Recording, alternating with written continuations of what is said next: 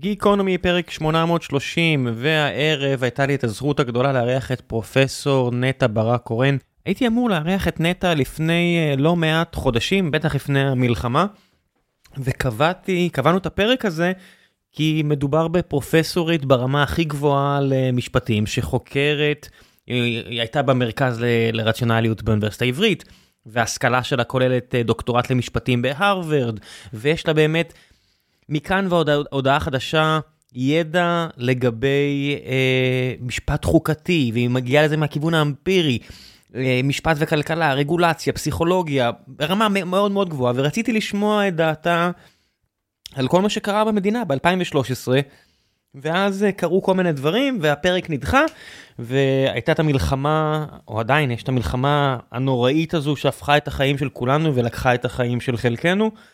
וחשבנו כבר uh, כמעט לבטל, אבל יצא שהקלטנו את הפרק הזה, וכמו שקורה בארץ, דברים uh, נהיים אקטואליים שוב, אז בזמן שאנחנו מקליטים את זה, בית המשפט העליון בדיוק מחוקק uh, או קובע בעצם שתי פסיקות סופר רלוונטיות לסוג, לשיחה שקיימנו. אז דיברנו על הנושאים האלה, דיברנו על כל מה שקרה ב-2013 לפני המלחמה בעזה, לפני הטבח הנורא של השבעה באוקטובר. דיברנו על משפט חוקתי, לגבי איך בכלל אפשר להכריע בסוגיות כאלה, מה זה אומר אמפיריות במקומות כאלו.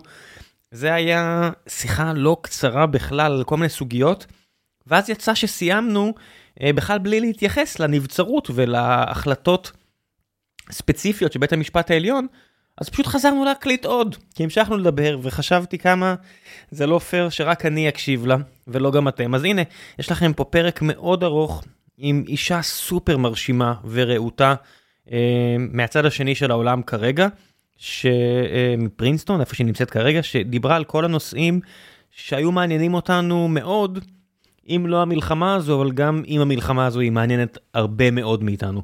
ולפני שנגיע לפרק עצמו, אני רוצה לספר לכם על נותני החסות שלנו, והפעם זו אחת מהחברות האהובות עליי בארץ, חברת דויט. חברת דויט עוזרת לסטרים אלמנטס ולשלל חברות אחרות, גם uh, מצד אחד לנהל מהבחינה הפיננסית את שירותי הענן שלנו, זה לא משנה אם אנחנו באמזון או בגוגל, אנחנו ספציפית בשניהם, ב-GCP או ב-AWS, אבל הם גם עוזרים לנו לחסוך כסף. הם, uh, יש להם שלל כלים, והם כל הזמן מנטרים את ההוצאות שלנו, ו- ומיידעים אותנו כשיש אפשרות לחסוך, וזה לא רק שהם, אנחנו משלמים דרכם, ואז אנחנו, הם גם משיגים לנו הנחות, וזה לא רק שהם עוזרים לנו לשלם פחות, לאחרונה הם גם עוזרים מאוד מקצועית. הם מעבירים סשנים אה, טכנולוגיים בשלל נושאים למובילים הטכנולוגיים של החברות. לנו הם עזרו ספציפית עם איזושהי בחירה בנוגע ל database אחד לעומת אחר. חבר'ה מעולים, אני ממליץ עליהם ברמה האישית. אם אתם צריכים מידלמן ובהחל משלב מסוים אתם חייבים כזה, תעבדו עם דויט. המלצה אישית שלי עד כמה שאני יכול להיות אובייקטיבי כשזה מגיע אה, לחסויות, אבל זה מה שזה. אה, ממליץ עליהם בחום. ועכשיו, לגיקונומי עם נטע, מקווה שיהיה לכם מעניין.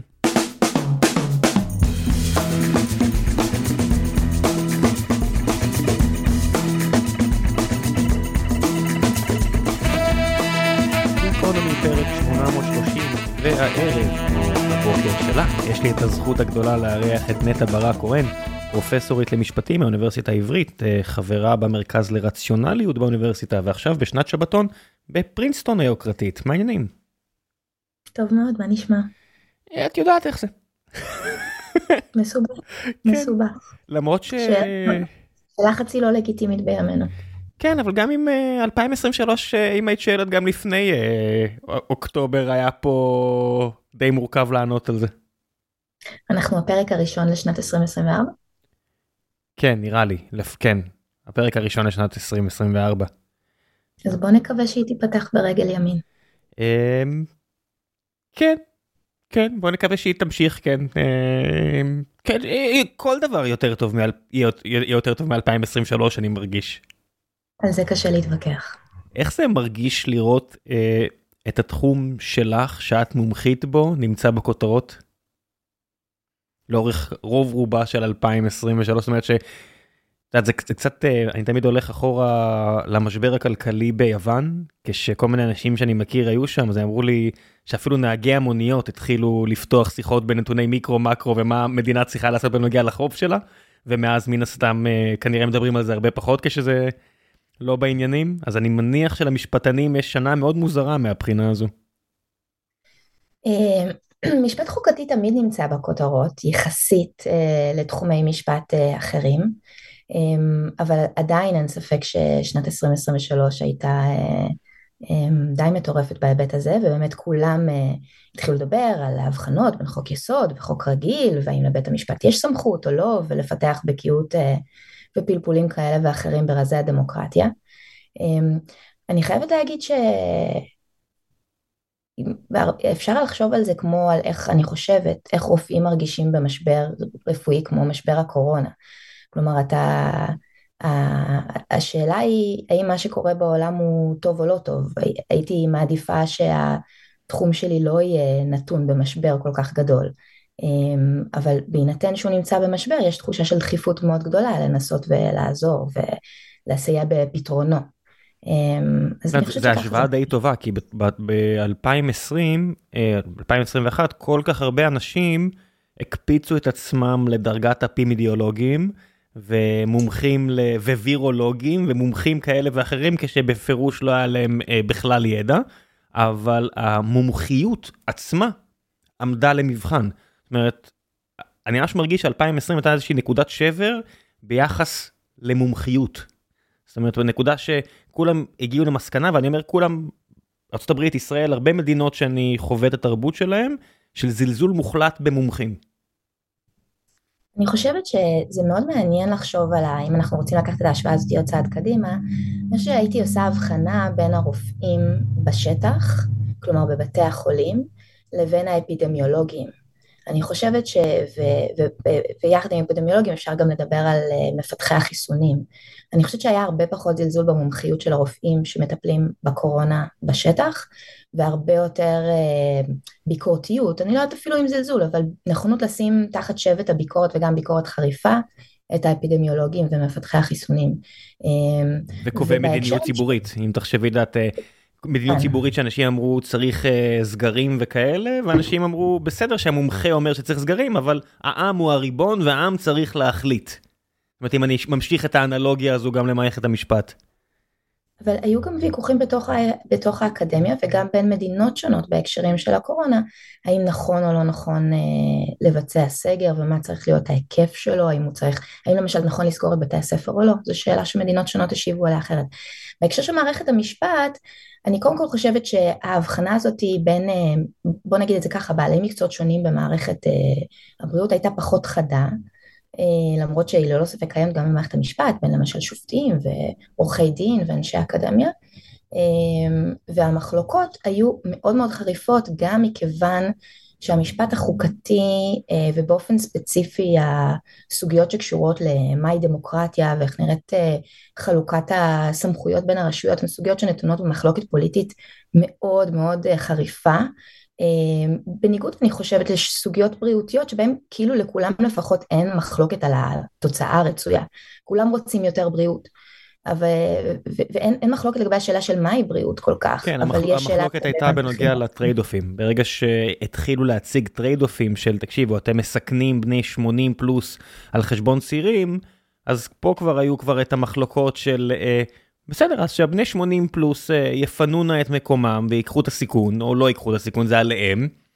והעיקר, אה, זה trade-off ים, כמו מערכת המשפט. גם בסוף כל מערכת ציבורית גדולה, יש גם פרטית, אבל בציבורית מן הסתם זה יותר מעניין, כי לכולנו יש חלק בה, יש trade אה, off ים לכאן ולשם. כמעט אין שום מקום שזה, כמו ש, שנוח להציג את זה, כולם רוצים בריאות. כן, כולם רוצים בריאות, כולם רוצים אה, חופש נניח, אבל כמעט תמיד יש אה, מחיר לעניין הזה.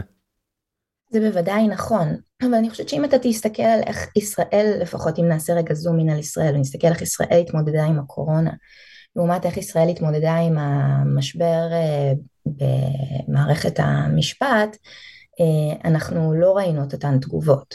אתה לא ראית במהלך הקורונה הפגנות uh, שמקיפות מאות אלפי איש בדרישה לפתוח או לצאת מהסגרים או לסגור את המדינה לאיזשהו כיוון. אתה ראי, ואתה לא ראית אנשים מאיימים לא להתגייס לשירות המילואים שלהם בגלל המדיניות של הממשלה, למרות שהיינו במשבר פוליטי מאוד משמעותי בחלקים מהתקופה של, של הקורונה.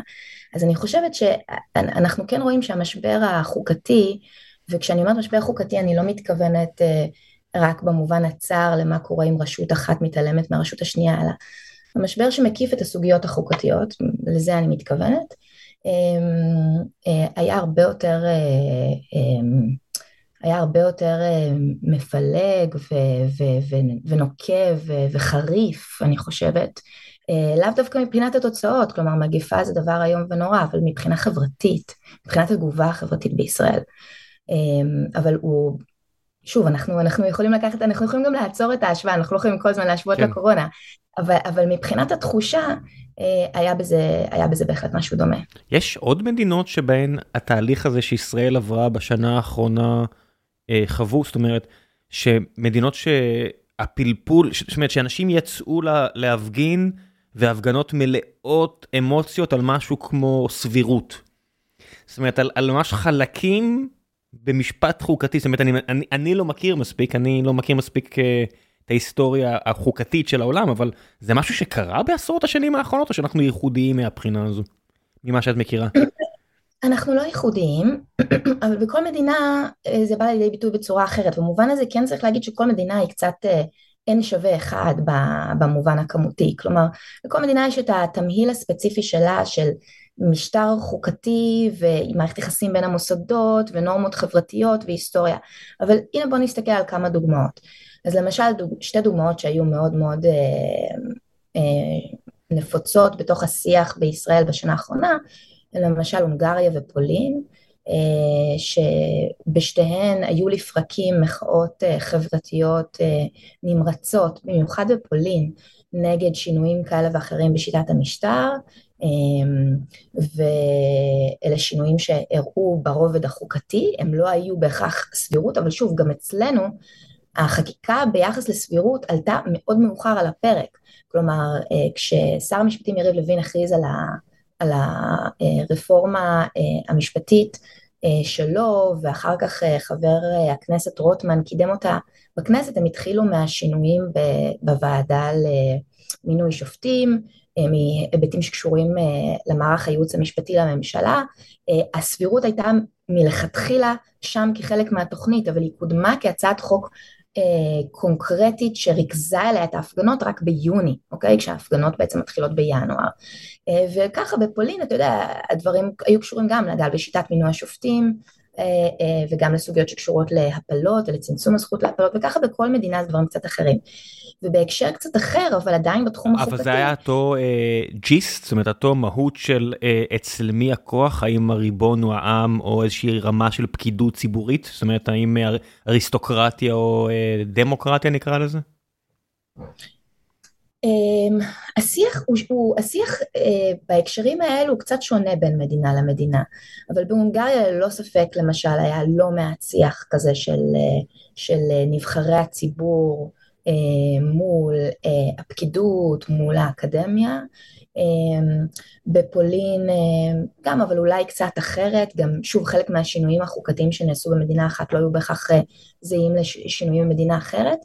אמ, אבל אני רוצה להגיד שהנושא של הפגנות רחבות בעניינים חוקתיים הוא נושא שלאו דווקא מתייחד אה, רק לשינויים במערכת היחסים בין רשויות המשטר, אלא גם למשל להפגנות מאוד גדולות אה, שמטרתן להביא למשל לכתיבת חוקה.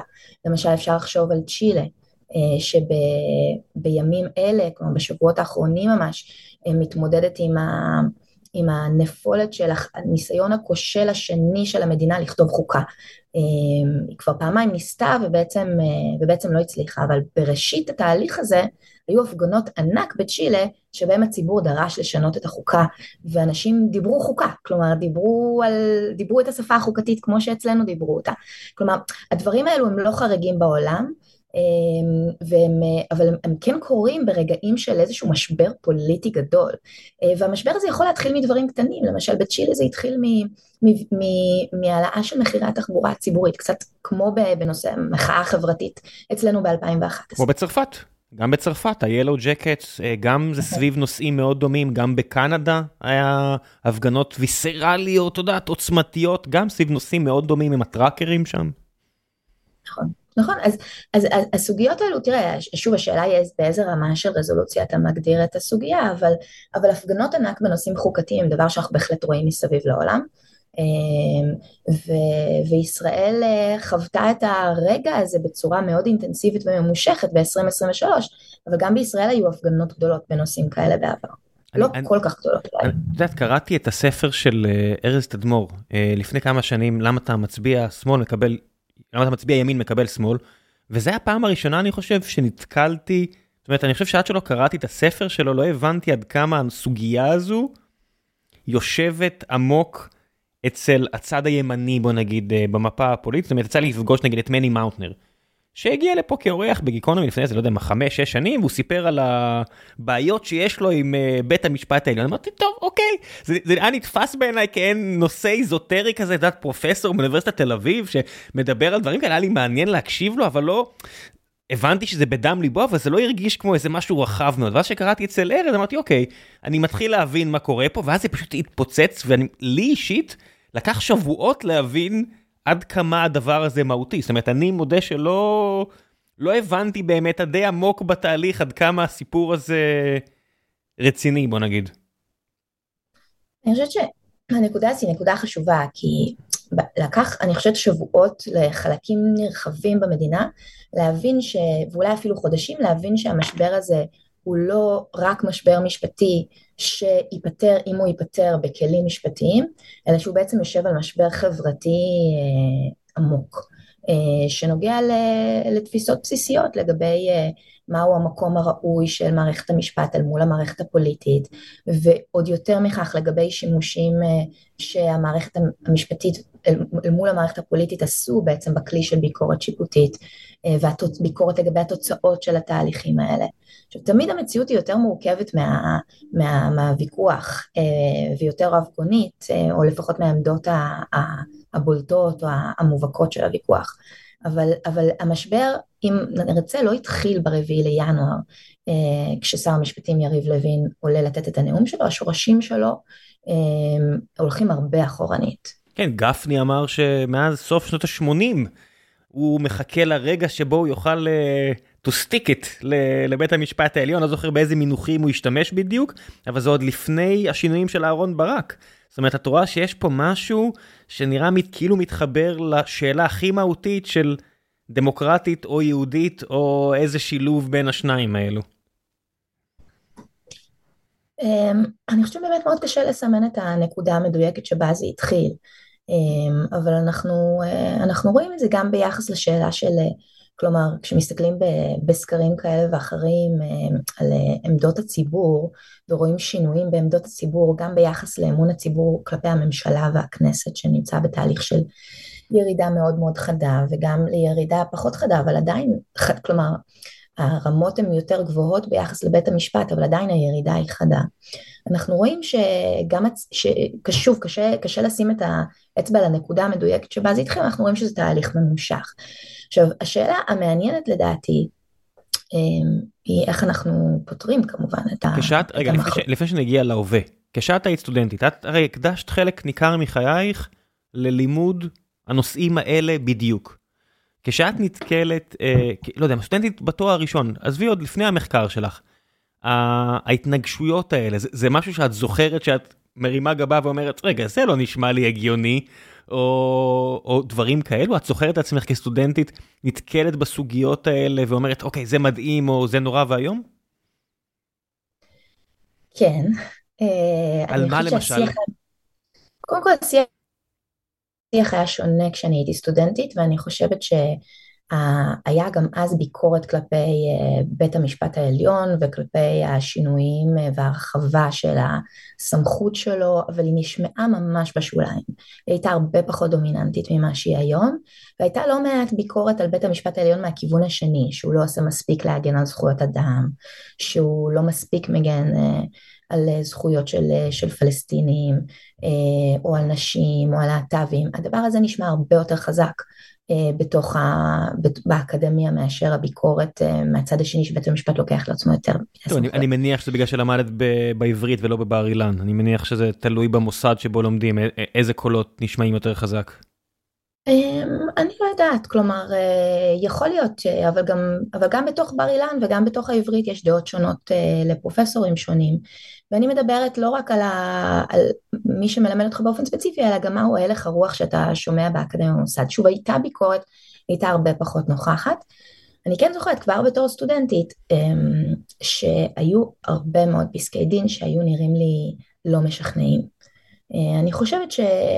מה זה אומר? ש... מה זאת אומרת? שאת יושבת, קוראת לפני השינה 100 עמודים ואומרת, I'm not convinced? קודם כל כן. כן, כלומר... אני מדברת, תראה, אני, אני מניח שאת לא מדברת על משפט פלילי, אלא אה, סוגיות אחרות. גם במשפט פלילי, גם במשפט, אה, גם במשפט אזרחי, בדיני חוזים, בכל פסק דין יכול להיות שאתה תקרא אותו ואתה תחשוב שהוא לא משכנע. אגב, אחד מהדברים היפים בלימודי משפטים זה שהמרצים בדרך כלל מביאים את הדיון הזה לתוך הכיתה. כלומר, חלק אינהרנטי מללמוד משפטים זה גם לבקר את פסק הדין. אה, בכל כיתה, בכל קורס. אה, במשפט החוקתי, בתור סטודנטית, מה שהפריע לי במיוחד, ואני חייבת להגיד שבתור סטודנטית זה גם גרם לי מאוד לא לאהוב את המשפט החוקתי לפני שאני החלטתי לעשות אה, דווקא התמקדות בתחום הזה מתוך אותן בעיות. אה, מה שהפריע לי במיוחד היה התחושה שהדיונים אה, מצויים מאוד מאוד באוויר ויש הרבה מאוד מושגים מאוד מאוד גדולים שבסופו של דבר מתרגמים לכך שהשופטים אומרים לדעתי. ו, ונותנים איזשהו נימוק שהוא נימוק מאוד כללי ו, ובאותה מידה אפשר היה להגיד לדעתי בכיוון ההפוך. כלומר, בסופו של דבר השאלה היא על מה ההכרעה נשענת. אמ, האם היא נשענת על איזשהו, על איזשהו מהלך לוגי שאתה לא יכול לפקפק בתוצאה שלו, אה, או על הערכות שהן הערכות כלליות, שהן הערכות לא מבוססות, אה, שאין בסיס עובדתי חזק מאחוריהן, שאתה מסיים את הקריאה ואתה אומר לעצמך, אוקיי, זה, זה כתוב היטב, אבל, אבל האם זאת הדרך היחידה או הדרך ההגיונית ביותר להכריע? אני לא, לא בטוחה. זה לא תמיד, אה, לדעתי, אני אומר, גם ארמד מלישה, בסוף גם אם אנחנו מסתכלים על תיקונים בחוקה האמריקאית, המדינה שכרגע את יושבת בה ומדברת עם, ממנה עימי, אה, גם שם, בסופו של דבר, יש בן אדם אחד שיגיד לדעתי א', ויש בן אדם אחר שיגיד לדעתי ב'. תראה, בסופו של דבר, אני חושבת שאם אנחנו נעשה איזה זום אין על מה אנחנו מנסים. אולי זה, אולי זה קצת רחב מה שאני אגיד עכשיו, אבל כשאנחנו מסתכלים על מה שאנחנו מנסים לעשות גם באקדמיה וגם במערכות שמבוססות מומחיות, אוקיי? דיברנו מקודם על רפואה, mm-hmm. עכשיו אנחנו מדברים על משפטים, אמ, אנחנו מנסים להתקדם מעבר ללדעתי א' ולדעתי ב'. אנחנו מנסים להגיד אה, שבסופו של דבר אה, אה, צריך להיות בסיס שהוא בסיס שאנחנו יכולים להצליח להגיע להסכמה שיש לה תשתית או מכנה משותף בינינו, שהיא מקדמת אותנו מעבר ל... רק לדעתי. כלומר, אין בעיה עם הלדעתי, לאחר המילה לדעתי, אם המילה לדעתי היא רק, היא רק uh, figure of speech, היא רק איזשהו משהו שאנחנו אומרים בתחילת משפט, ואחריו אנחנו ממשיכים לטיעון לוגי שהצד השני יכול להבין איתנו ולהסכים על ה... זה מסוג הדברים שצ'אט GPT עכשיו פשוט מוריד. או כל הגרמרלי, או, או וורדטיון, או כל האפליקציה, פשוט אומר, עזבו, מיותר, אתם רוצים לתקשר, תורידו אותה לדעתי אז. כן, כן, אבל, אבל, אבל, אבל השאלה היא האם, האם לדעתי בסופו של דבר הוא פשוט, אני, אני לוקחת לי עצמי את מקור הסמכות להכריע, כי לי יש אותה, ובכך אני, אמ, ובכך אני פותרת את עצמי מהצורך אה, לשכנע בצורה מבוססת את, ה, את בין השיח שלי. עכשיו כמובן, אני כמובן לא מתאימת להגיד ש, שאין ויכוחים ש, ש, שיכולים להסתיים אך ורק באני אומרת א' ואתה אומר ב' ואנחנו לא נצליח להגיע להסכמה בינינו. אבל אני חושבת שאנחנו שואפים לצמצם את הטווח הזה. והשאלה היא איזה כלים יש לנו בשביל לצמצם את הטווח הזה. אז, אז למשל, אתה יודע, אנחנו, אנחנו לא מסכמים ויכוחים בין אה, שני מהנדסים בכך שזה אומר לדעתי הגשר יציב, והשני אומר לדעתי הגשר לא יציב. וואו, נכון, אנחנו... אני, כיוון שאת מגיעה פה עכשיו לאזורי, אה, אני אגיד לך הרבה מאוד שיחות מהתעשייה הזו אה, נולד disagree and comply. אתה יודע, זה, זו התעשייה שעליה נאמר. אה, גם אם אתה לא מסכים, בוא תעשה מה אני אומרת ונמשיך הלאה. כי הרבה מקרים, בסוף המקום היחידי שאני באמת חושב שאין את זה, זה מתמטיקה. את הילברט, סוף המאה ה-19, המאה ה-20, בונה אקסיומות, או פון נוימן, או לא יודע מה, בונים כאילו מגדל של ידע, וכל עוד אתה מסכים עם השלב א', שלב ב', ג', ד', את השלבים האלה, אז הכל בסדר. אני מרגיש שבתחומים אחרים, אני לא מוצא את זה. זאת אומרת, אני אישית מרגיש שהרבה פעמים זה מסתכם ב... לדעתי, יש כאלה שמקיפים את זה בלוגיקה יפה ונאה יותר, יש כאלה שמקיפים את זה בפלאף נאה או יפה יותר, אבל בסוף זה כן מתכנס ל... לדעתי. אז בוא נחזור לגשר. יכול להיות שבשלב מסוים, כשאתה מסיים את בניית הגשר, כשיש לך איזושהי מחלוקת בנקודה קטנה לגבי הגשר, אתה מגיע לדעתי אחד מול לדעתי שני. כן. אבל בהרבה מאוד uh, מישורים של החיים וגם בהנדסה אנחנו פיתחנו כלים שאמורים לעזור לנו לצמצם את טווח הלדעתי אחד מול לדעתי שתיים. למשל אנחנו עושים ניסויים, אנחנו מעמידים את החומרים שאנחנו בונים איתם קשרים במבחנים כאלה ואחרים של יציבות, של שרידות, של קורוזיה, של עמידות. Uh, וגם למשפט יש דרכים לצמצם את טווח הלדעתי.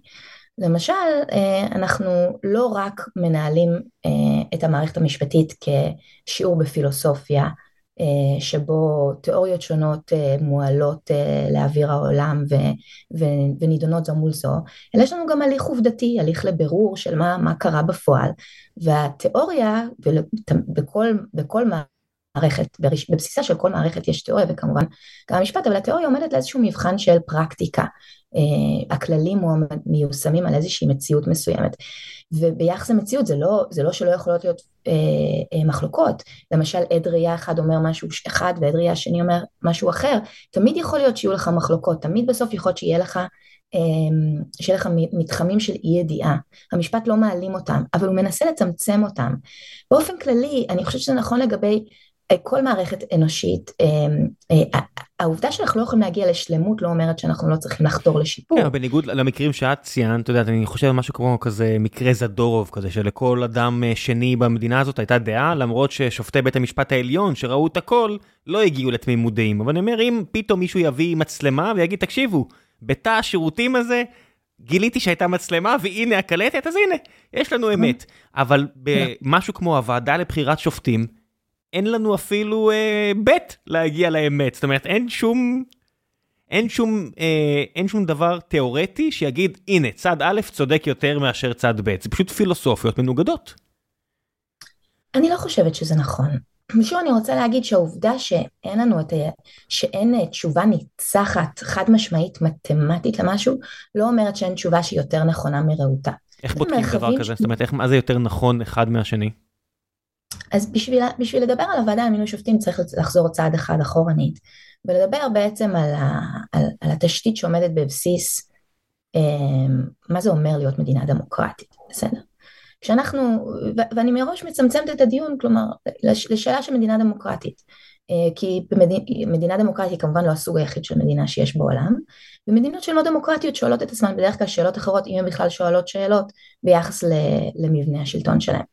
אבל במדינה דמוקרטית יש אדנים מסוימים אה, שאפשר לראות כעניין אמפירי וגם להצדיק כעניין תיאורטי אה, שנלמדו מתוך הניסיון ההיסטורי המצטבר אה, של מדינות שהן דמוקרטיות או הפכו להיות כאלה, מהם המרכיבים הבסיסיים שמדינה כזאת צריכה. אז uh, מדינה, כשאתה מסתכל על מדינה דמוקרטית, אתה מסתכל על מדינה mm. שהיא בעצם uh, נועדה uh, לממש את ריבונות העם, האזרחים שבה, uh, לאפשר שלטון שהוא שלטון בידיהם ועבורם, uh, וה, והשאלה היא איך, איך, איך מביאים את זה לידי ביטוי בפועל. עכשיו, אה, זה שיש בחירות זה לא מספיק, כמעט בכל מדינה, גם דיקטטורית, יש בחירות. כלומר, אה, גם ברוסיה ומצרים יש, ואיראן יש בחירות. ובדרך, ובדרך כלל פשוט התוצאות של הבחירות האלו הן תוצאות אה, חד משמעיות וניצחות לטובת השלטון המכונן למשך עשרות שנים, אבל בחירות קיימות. אה, וגם לעשות את הבחירות האלו חופשיות במובן שהן חשאיות וכן הלאה זה לא מספיק אם יש רק מפלגה אחת למשל שמתמודדת או אם אתה זורק את האופוזיציה שלך לכלא כמו שלמשל נעשה בטורקיה אה, בשנים האחרונות. אפילו אם את אה, מגבילה תקשורת כמו בהונגריה זאת אומרת אני נכון. אטען שאפילו זה זה הגבלה על דמוקרטיה. אז הנה אתה רואה שאנחנו מוסיפים עוד ועוד תנאים כלומר בעצם בשביל להצליח לקיים את הדבר הזה שנקרא ריבונות העם אתה צריך הרבה יותר מרק לתת לעם את האפשרות אחת לכמה שנים להצביע. ואחד מהיסודות החשובים של, של המאפיינים של דמוקרטיה זה בעצם מתייחס להגבלת הכוח של השלטון וההבנה שהיא הבנה, שמס... שהיא הבנה אפשר להגיד כמעט אמפירית, שמסתכלת על הטבע האנושי ועל ההיסטוריה האנושית, אבל ברגע שאנשים מגיעים לעמדה של כוח הם בדרך כלל לא רוצים להרפות מהכוח הזה. ו- ו- ואין כאן, אה, ואין כאן אה, איזה אה, אה, חינוך או, או, או הנדסה או משהו אחר שאנחנו יכולים לעשות בשביל למנוע מהטבע האנושי הזה להשתלט, אנחנו צריכים לתכנן מראש נגדו, וה, והתכנון מראש הזה נגדו, שהוא, שהוא מה שאנחנו רואים בכל הדמוקרטיות היציבות, הוא שאנחנו מחלקים את הכוח בין לפחות שלוש רשויות שונות, הרשות המחוקקת, הרשות המבצעת והרשות השופטת, מתוך ההבנה שהתחרות ביניהם, שאם לכל אחת יש חלק מהכוח, הן מתחרות זו בזו, אז הן גם מגבילות זו את זו. ושהערובה הטובה ביותר לחירות של הפרט, של האזרחים, זה שלא כל הכוח יהיה בידיים של גוף שלטוני אחד, שהגופים השלטוניים יריבו קצת זה עם זה, יגבילו אחד את השני, יתחככו זה עם זה, אה, כי כשהם עסוקים בלהוציא את האנרגיות שלהם אחד על השני, אז קודם כל זה אומר שאף פעם לא כל הכוח נמצא במקום אחד ויכול להיות מופנה כלפי האזרחים, וגם זה אומר שכנראה תהיה יותר חירות לאזרחים מכוח, מכוח העובדה שחלק מהאנרגיות של הגופים הולכות אה, למאבק ההדדי ביניהם. ומכאן, ומכאן בעצם נוצר העיקרון של הפרדת רשויות. וכשאתה מסתכל על הוועדה למינוי שופטים, אתה רואה שבכל המדינות הדמוקרטיות השאלה איך ממונים שופטים היא שאלה שיש בה אה, בעצם מאפיינים בהבניה שלה של אה, עיקרון הפרדת הרשויות. אתה בעצם צריך לענות על שאלה אה, שהיא שאלה מאוד חשובה, איך, איך, איך מגיעים אנשים לעמדה של כוח. ביחס לנבחרי הציבור בכנסת, התשובה שלך היא בחירות. ביחס לרשות המבצעת, מדינות שונות נותנות תשובה שונה לשאלה הזאת. לפעמים אה, יש בחירות נפרדות לראש, אה, לראש הרשות המבצעת, למשל אנחנו כולם מכירים את המשפט, את השיטה הנשיאותית בארצות הברית, ולפעמים, כמו אצלנו, וכמו בשיטות פרלמנטריות אחרות, הרשות המבצעת נבחרת בשלב שני, בעצם בצורה לא ישירה, מתוך הרשות המחוקקת. אלה שתי דרכים שונות, שתיהן דמוקרטיות, להכריע בשאלה הזאת.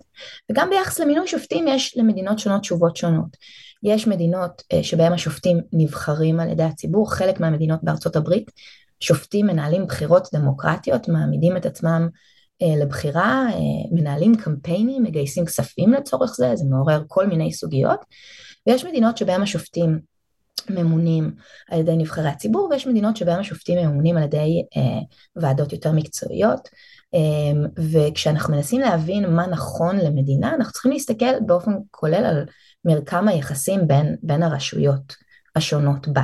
כי אתה לא יכול לקחת ולהסתכל על, לא יודעת, על המבנה של למשל אה, מינוי שופטים אה, בגרמניה או בצרפת בידי נבחרי הציבור בלי לשים לב גם לכך שהמשמעות של נבחרי ציבור במדינות האלו היא לא אותו דבר כמו במדינת ישראל. מאיזו בחינה? למשל כי יש שם שני, למשל כי יש שם שני בתי מחוקקים שחייב, שנבחרים בבחירות נפרדות וחייבים לשתף פעולה אחד עם השני בשביל להצליח למנות את השופטים.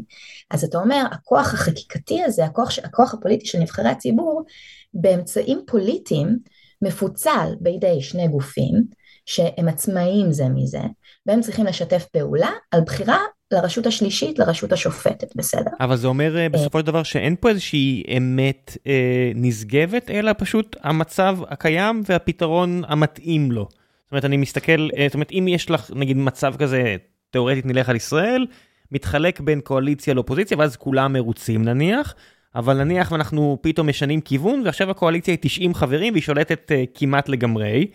אז פה שוב יש איזושהי בעיה בשיטה, כי יש לך, את יודעת, עדיין רבע מהעם שהולך uh, להישאר מחוץ למשחק כמעט לגמרי, ואין מי שיגן עליו.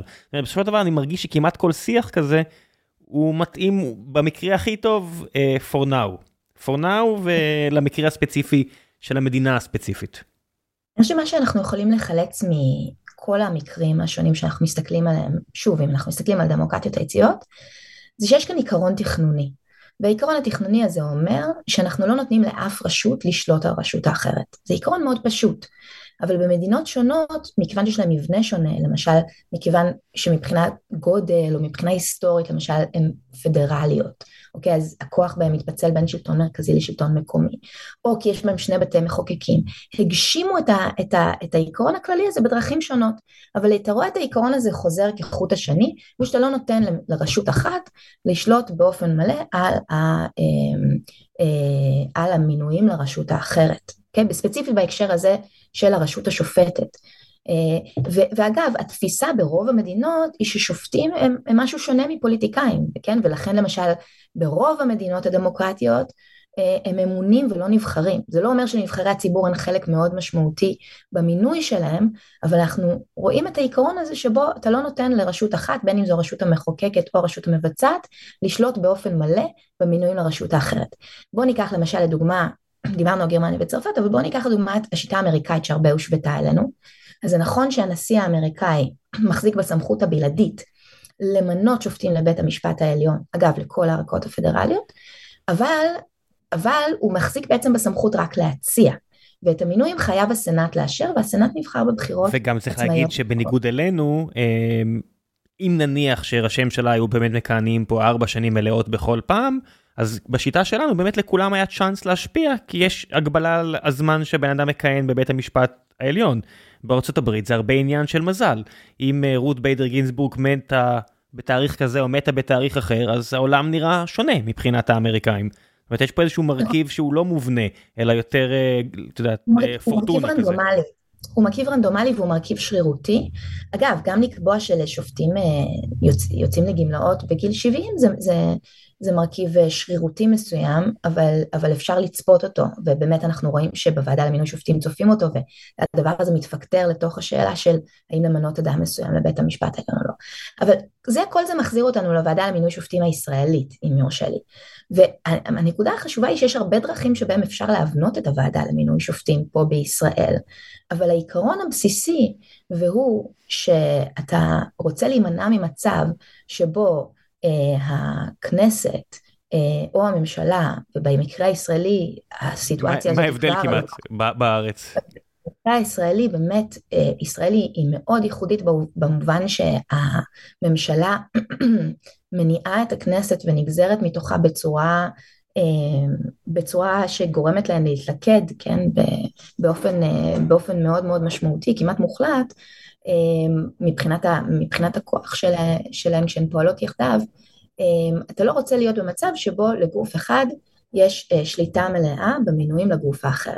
עכשיו זה לא אומר שאתה לא יכול לבנות את הוועדה למינוי שופטים בכל, בכל מיני דרכים, לתת יותר כוח, פחות כוח לנבחרי הציבור, לחלק את הקולות בין הקואליציה לבין האופוזיציה, אתה כמובן תרצה לחשוב על כל מיני סוגיות כמו הסוגיה שאתה העלית, מה קורה אם יש עכשיו ממשלה שהיא 90 מתוך, אה, מתוך 120 חברי כנסת, אבל אם הממשלה הזאת לא מחזיקה בכוח למנות את כל השופטים בבית המשפט, והשופטים עדיין יש להם אה, יש להם uh, עצמאות שיפוטית ויש להם קביעות וכן הלאה, והממשלה הזאת היא מוגבלת בכהונה שלה, אז גם אם יש קואליציה של 90, uh, אה, והקואליציה הזאת לצורך העניין מחזיקה בכוח פוליטי משמעותי, אז אתה יכול להגיד, בסדר, כל עוד שהליך המינוי של השופטים הוא גם הליך מקצועי ולא שמים שם בובות של הקואליציה, והיכולת של הקואליציה היא לא להפוך את כל בית המשפט באותו רגע, אז, אז בסדר, אז תגיע ממשלה חדשה אחר כך, והשינויים בב, בבית המשפט יקרו בהדרגה.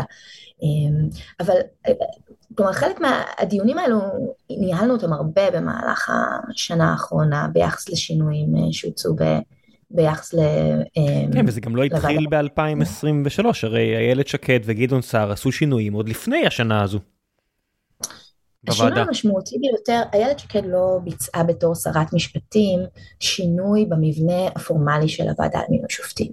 מי שביצע שינוי כזה היה גדעון סער, אה, כשהוא כיהן כשר משפטים, והשינוי שלו היה שינוי מאוד משמעותי, הוא היה שינוי מאוד קטן. זו דוגמה לאיך שינויים קטנים במרקם החוקתי יכולים לייצר תוצאות גדולות אם יש את האורך רוח והסבלנות אה, לצפות בהן. כל מה שגדעון סער עשה הוא לעשות שום שינוי במבנה של הוועדה, הוועדה הייתה, הייתה ונשארה מאז 1953, ועדה בת תשעה חברים, ההרכב נשאר אותו דבר, אה, אה, שלושה שופטים, שני עורכי דין, אה, ארבעה נבחרי ציבור, אבל הוא קבע שביחס למינויים לבית המשפט העליון הוא הניע שינוי חקיקתי שהמינויים האלו ייעשו ברוב מיוחס, רוב של שבעה מתוך תשעה חברים.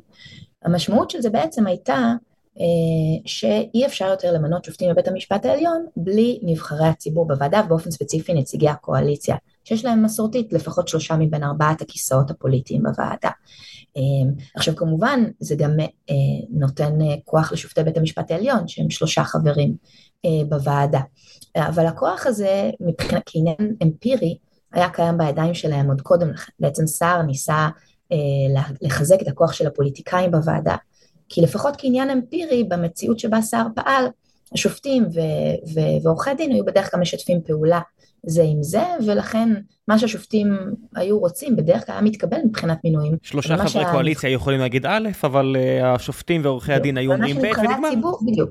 ומה שנבחרי הציבור רצו לא תמיד היה מתקבל. אז השינוי של שר נועד לתת, נועד להפוך את הדעה של הקואליציה לדעה מכרעת, ומה שזה יצר, זה יצר, בסופו של דבר במבחן התוצאות אפשר לראות.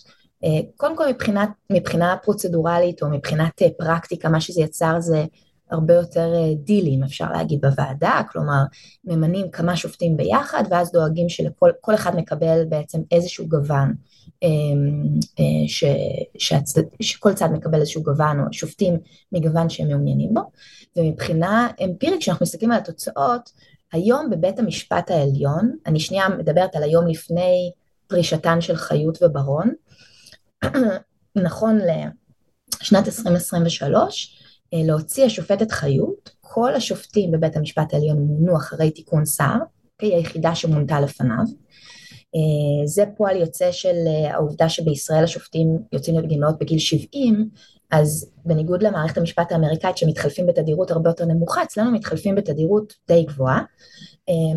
ואז 14 מתוך 15 השופטים המכהנים בבית המשפט אה, מונו לאחר תיקון סער, וכשאנחנו מסתכלים על, ה, על החלוקה ביניהם, אנחנו רואים, אפשר לראות את זה בשני פסקי הדין שפורסמו השבוע, בעצם אנחנו מדברים, היום פורסם פסק הדין בעניין הנבצרות, לפני ימים ספורים פורסם אה, פסק הדין בעניין הסבירות, אנחנו יכולים לראות שבית המשפט ממש לא עשוי מאור אחד, ולמעשה בניכוי ברון וחיות שיצאו לגמלאות, אנחנו רואים שכבר אין רוב בבית המשפט העליון, למשל, לפסילת אה, חוק היסוד, אה, התיקון לחוק יסוד השפיטה שעסק בסבירות.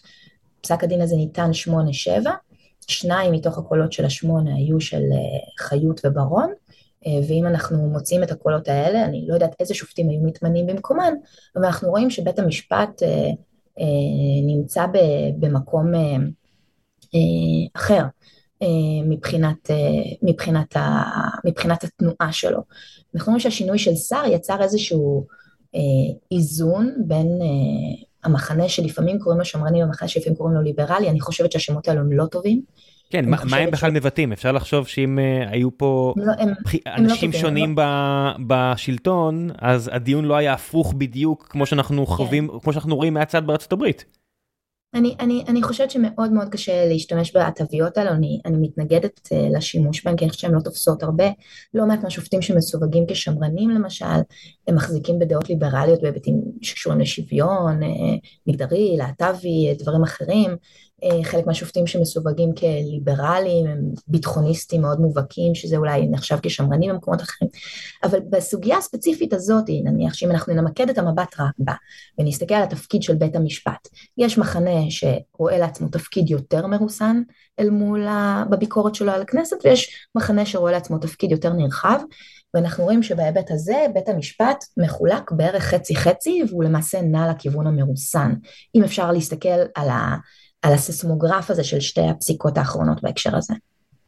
ששוב אני רק רוצה להדגיש את העניין של כמה אה, החלוקה הזאת לשמרנים וליברלים כל כך מטופשת, אני אגיד את זה לא את, כי אם אה, יש עכשיו 51 אחוז שבעד רפורמות מהירות וקיצוניות, אז מה השמרנות פה? לתת להם לעשות את זה או לא לתת להם לעשות את זה?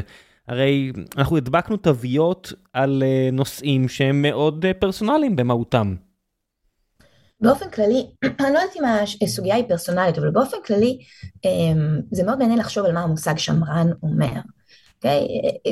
ואין שום סתירה עקרונית בין שמרנות לליברליות, ככל שליברליות מתייחסת לתיאוריה שלפיה חירויות הפרט הם דבר חשוב, כן. Uh, הרבה למשל אנשים שמחזיקים בעמדה שמרנית בישראל כלפי למשל השינויים שהראו במערכת המשפט מתחילת שנות התשעים ואילך הם, הם שמרנים ביחס לרצון שלהם לשמור את ההישגים האלו והם ליברליים בכך שהם תומכים בחירויות פרט. אז השאלה על מה השמרנות מוסבת היא, היא שאלה שבעצמה אפשר, אפשר לשים אותה כן, במחלוקת פרשנית. והם ליברליים ביחס לזכויות אוניברסליות אבל פחות ליברליים בנוגע לזכות של, של הריבון, של העם כריבון להחליט כנגד או על חשבון זכויות אדם אוניברסליות. ביחס לכל אחד מהמושגים האלה אתה יכול לשאול מה, על מה הם מצביעים, כן, מה התוכן שלהם. השמרנות היא במיוחד מעניינת כי הליברליות יש, יש מובן קצת יותר ברור, כלומר מבחינת איזה גרעין של חירויות פרט, אבל השמרנות ככל שהיא מוסבת על רצון לשמר את הקיים, אז אם הקיים הוא יותר ליברלי, אז השמרנות תהיה בעלת אופי יותר ליברלי. אם הקיים הוא יותר מסורתי, תהיה בעלת אופי יותר מסורתי. במקומות שבהם שיטת המשפט היא בכלל לא דמוקרטית, כן, השמרנים אה, אולי יהיו בעלי גוון אוטוריטריים. כאילו, השמרנות, ושוב, וכמובן שיכול להגיד, לא, השמרנות היא משהו אחר לגמרי, השמרנות היא כן איזשהו אה, סט מוגדר של, של, של נורמות אה, שאנחנו מאמינים בהם, ו, ו, ו, וסתם קוראים לזה שמרנות, אבל בעצם זה איזה מסורתיות או משהו כזה, אבל אבל המילה שמרנות היא כאילו כל מה שהיא אומרת לכאורה זה לשמר את הקיים והקיים הזה יכול לקבל כל מיני צורות. אבל כל זה רק בשביל כן, להגיד... זה דיונים אה, להתפלפל, אפשר לקרוא את ברק או לא יודע מי ולדבר אה, על הדברים האלו, נכון. אבל שרוצים עכשיו להגיע לפרקטיות. זאת אומרת, שאני מסתכל... אנחנו חוזרים לגבי בית המשפט, רק בשביל להשלים את הנקודה הזאת, אז אני חושב שאפשר לראות איך אה, במובן מאוד עמוק, לפחות אם אנחנו מסתכלים על זה מהפרספקטיבה של של אה, שר המשפטים יריב לוין, הכיוון הזה של ללכת, אה, אה, לפתוח מין חזית רחבה ומלחמת חורמה כזאת נגד מערכת המשפט, אל מול הכיוון לצורך העניין שסער בזמנו הוביל, של לעשות שינויים קטנים שישנו בהדרגה, כלומר, במובן מסוים הפסיקה שניתנה השבוע בעניין הסבירות היא כמעט כמעט טרגדיה יוונית מבחינת לוין, כי כאילו היא חושפת את, את, את, ה, את, את, את, את מה שהיה קורה לו רק היה מקדם בהסכמה אה, מינוי של ארבעה שופטים עם מערכת המשפט, כלומר מאוד יכול להיות שהוא היה נמצא היום כבר, המרחק בינו לבין מערכת משפט לפי רוחו יותר מרוסנת, היה מאוד מאוד מאוד קטן. ו... זה מרגיש לי שיש אנשים שקולים ממנו שראו, זאת אומרת חגי סגל למשל, ש... השתמש בבימה שלו בצד הימני של המפה כדי להגיד, תרגיעו, פשוט תעשו את זה טיפה יותר לאט וניצחנו, הדמוגרפיה בצד שלנו, פשוט תירגעו וננצח. אבל uh, במובן הזה פזיזות uh, היא מחלה ידועה. אמ, כן, כן, אפשר, אפשר היה להקדיש שיחה שלמה להבחנה של האם זו פזיזות, האם, האם יש כאן דברים אחרים, אבל, אה, אבל אני חושבת שבמובנים מסוימים העובדה שה, שהשבר או התפיסות השונות לגבי אה, המקום של מערכת המשפט, היחסים בינה לבין הכנסת, מה, מה הדמותה של ישראל אמורה להיות, עלה על השולחן אה, בצורה כל כך בולטת, הנכיח משהו ש... המהלך הטבעי של הזמן היה אולי גורם לו להיראות אחרת מאוד, כן? ובמובן הזה אמ, ישראל היום מתמודדת עם, עם שאלות במין, בעצימות שהיא, שהיא לא התמודדה איתן כמעט במשך 75 שנות קיומה. אה, אנחנו התרגלנו אמ, אה, לפתור אה, דברים בצורה קטנה יותר, להדחיק חלק מהדברים. לא לפתור, התרגלנו לא לפתור כלום. ותראה, וזה אולי עבד לא רע במשך הרבה מאוד זמן, אה, הגישה היותר אינקרמנטלית על פני הגישה המהפכנית. כלומר, לעשות שינוי עצום בהמון המון אה, שדות של המשפט החוקתי, בעת ובעונה אחת, אה, זו גישה מהפכנית. בלי קשר ל... כן, אני לא מדברת עכשיו על הוויכוח שכבר דבק בו, כן, מעבר למשמעות המילולית של המילים, רפורמה מול מהפכה. אמ, אבל, אבל הדברים התפתחו בצעדים יותר קטנים, אה, ועכשיו אנחנו במין רגע כזה שהדברים התנקזו אליו, אנחנו רואים שגם אה, עם פרוץ המלחמה, המחלוקות האלו עדיין מבעבעות מתחת לפני השטח, שאלה מאוד גדולה, מה, מה יהיה איתן בסופו של דבר. אבל כמו שאנחנו רואים, המלחמה לא עצרה כלום, זאת אומרת, מי שחשב שהשבעה באוקטובר ישכיח את הסוגיה הזאת, רואה מיד ש...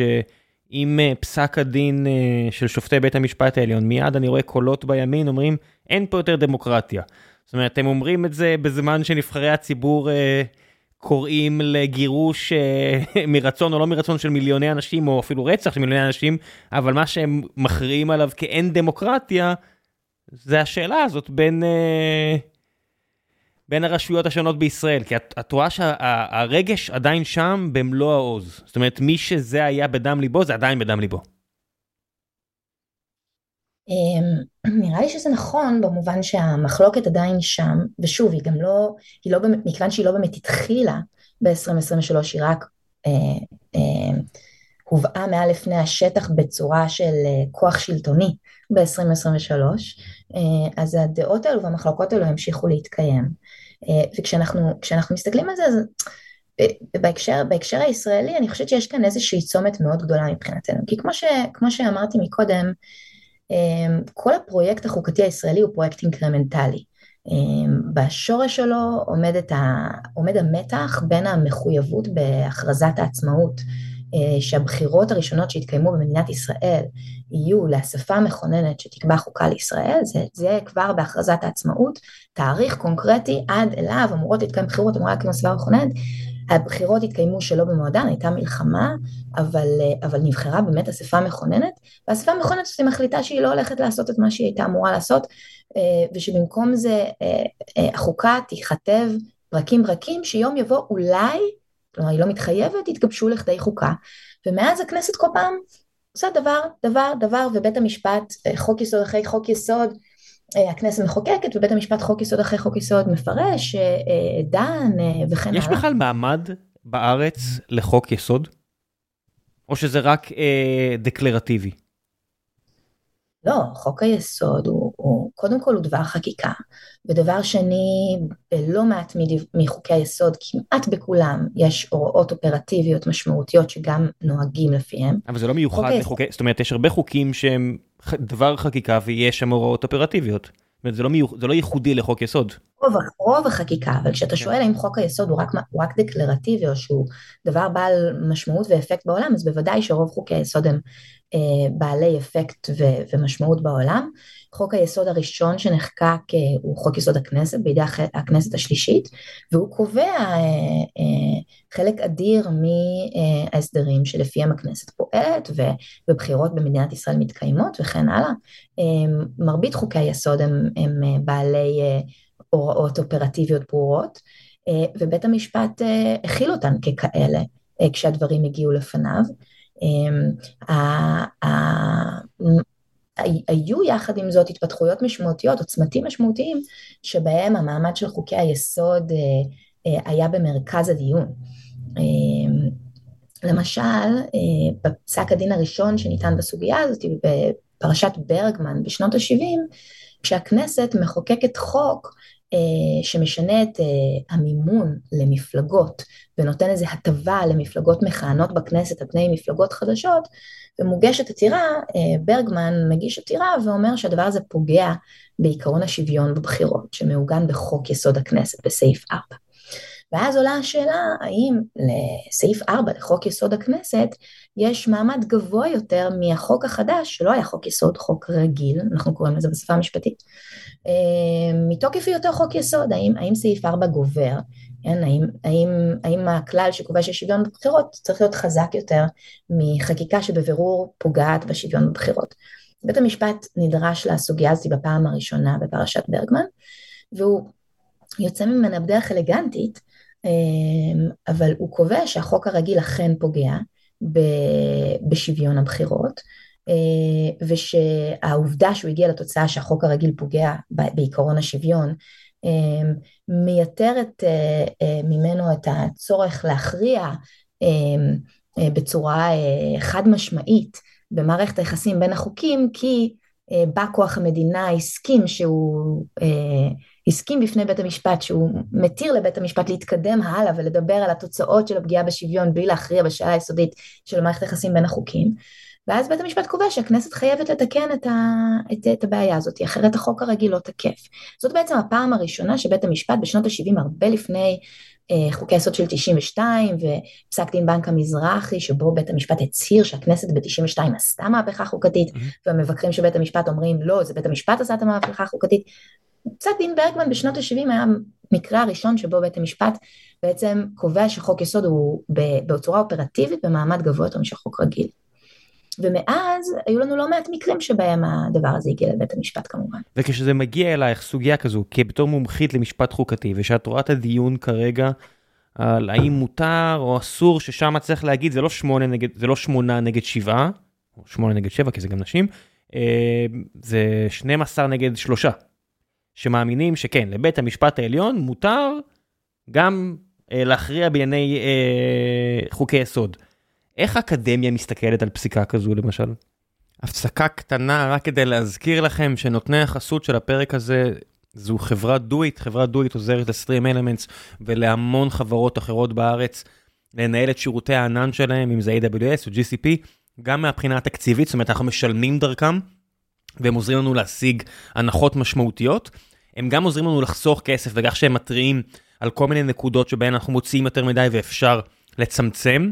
יש להם את הסט כלים שלהם, שהרבה פעמים אני כשחצני גדול חושב שאה, הם לא יכולים אה, לסייע ואנחנו מסתדרים לבד, ופעם אחרי פעם הם הוכיחו לי שטעיתי ובהחלט היו לנו כל מיני חורים בגישה שלנו והם עזרו לנו לחסוך כסף. לאחרונה הם גם הוסיפו גם סשנים טכנולוגיים עוזרים מהפן הפשוט אה, נטו של ההבנה של הכלים השונים שיש ב-AWS ו-GCP. יופי של חברה, המלצה גדולה מהצד שלי, do it. ועכשיו בחזרה לפרק עם נטע, מקווה שאתם נהנים. קודם כל בוא נעשה סדר. יש לנו כאן כמה סוגים שונים של שאלות שהן כולן נופלות בתוך המשפט החוקתי. עד עכשיו כשדיברנו על פסק דין ברגמן דיברנו בעצם על מערכת היחסים בין חוק יסוד לחוק רגיל. חוק היסוד קיים בספר חוקים, נחקק חוק חדש, החוק הרגיל בעצם סותר או חורג מההוראות של חוק היסוד, מי גובר? זאת שאלה במדרג נורמטיבי אחד. רגע, אני חייב לפתוח פה סוגריים. אם זה היה סתם אה, חקיקה א' מול סתם חקיקה ב', חוקים רגילים, זה לא אותה סוגיה בדיוק? לא, אבל זו שאלה מצוינת. אמ, חוק רגיל מול חוק רגיל אחר, הם שניהם נמצאים באותו מעמד נורמטיבי, אין היררכיה ביניהם, אבל עדיין יכול לקרות, ולא מעט פעמים זה קורה, שמתעורר מתח ביניהם. למשל, כי חוק אחד נחקק לפני שלוש כנסות, וכשהכנסת הנוכחית חוקקה את החוק החדש, היא בכלל לא חשבה או לא שמה לב, או לא הייתה מודעת לחוק האחר, ופתאום מתעורר איזשהו, מתעוררת איזושהי מחלוקת בין אנשים רגילים בעולם, ו- ומתברר שוואלה, יש, יש שם איזשהו, יש שם איזשהו מתח. כאן יש כלל פרשני שישראל ירשה אותו משיטת המשפט הבריטית אה, אה, והוא נהוג בכל מדינות, אה, מה שאנחנו קוראים למשפט המקובל, ה-common law, במדינות דומות להם גם בארצות הברית ובקנדה ואוסטרליה וגם בשיטות משפט אחרות, שזה חוק מאוחר גובר על חוק מוקדם וחוק ספציפי גובר על חוק כללי.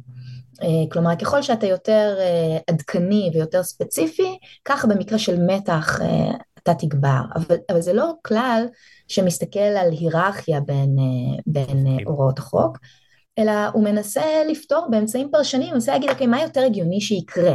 ככל שאתה יותר ספציפי, כנראה שיותר חשבת בדיוק על הסוגיה הזאת, ככל שאתה יותר מאוחר, כנראה שהמערכת נסיבות הזאת היא בדיוק מה שיותר קרוב בוודאי שהיא עמדה לך בראש. אז אנחנו מניחים שאנחנו נותנים כאן עדיפות, אבל זה לא אומר שבהקשרים אחרים, החוק היותר ישן או החוק היותר כללי לא יגבר, כן? הוא לא פחות תקף עכשיו בגלל המתח הזה.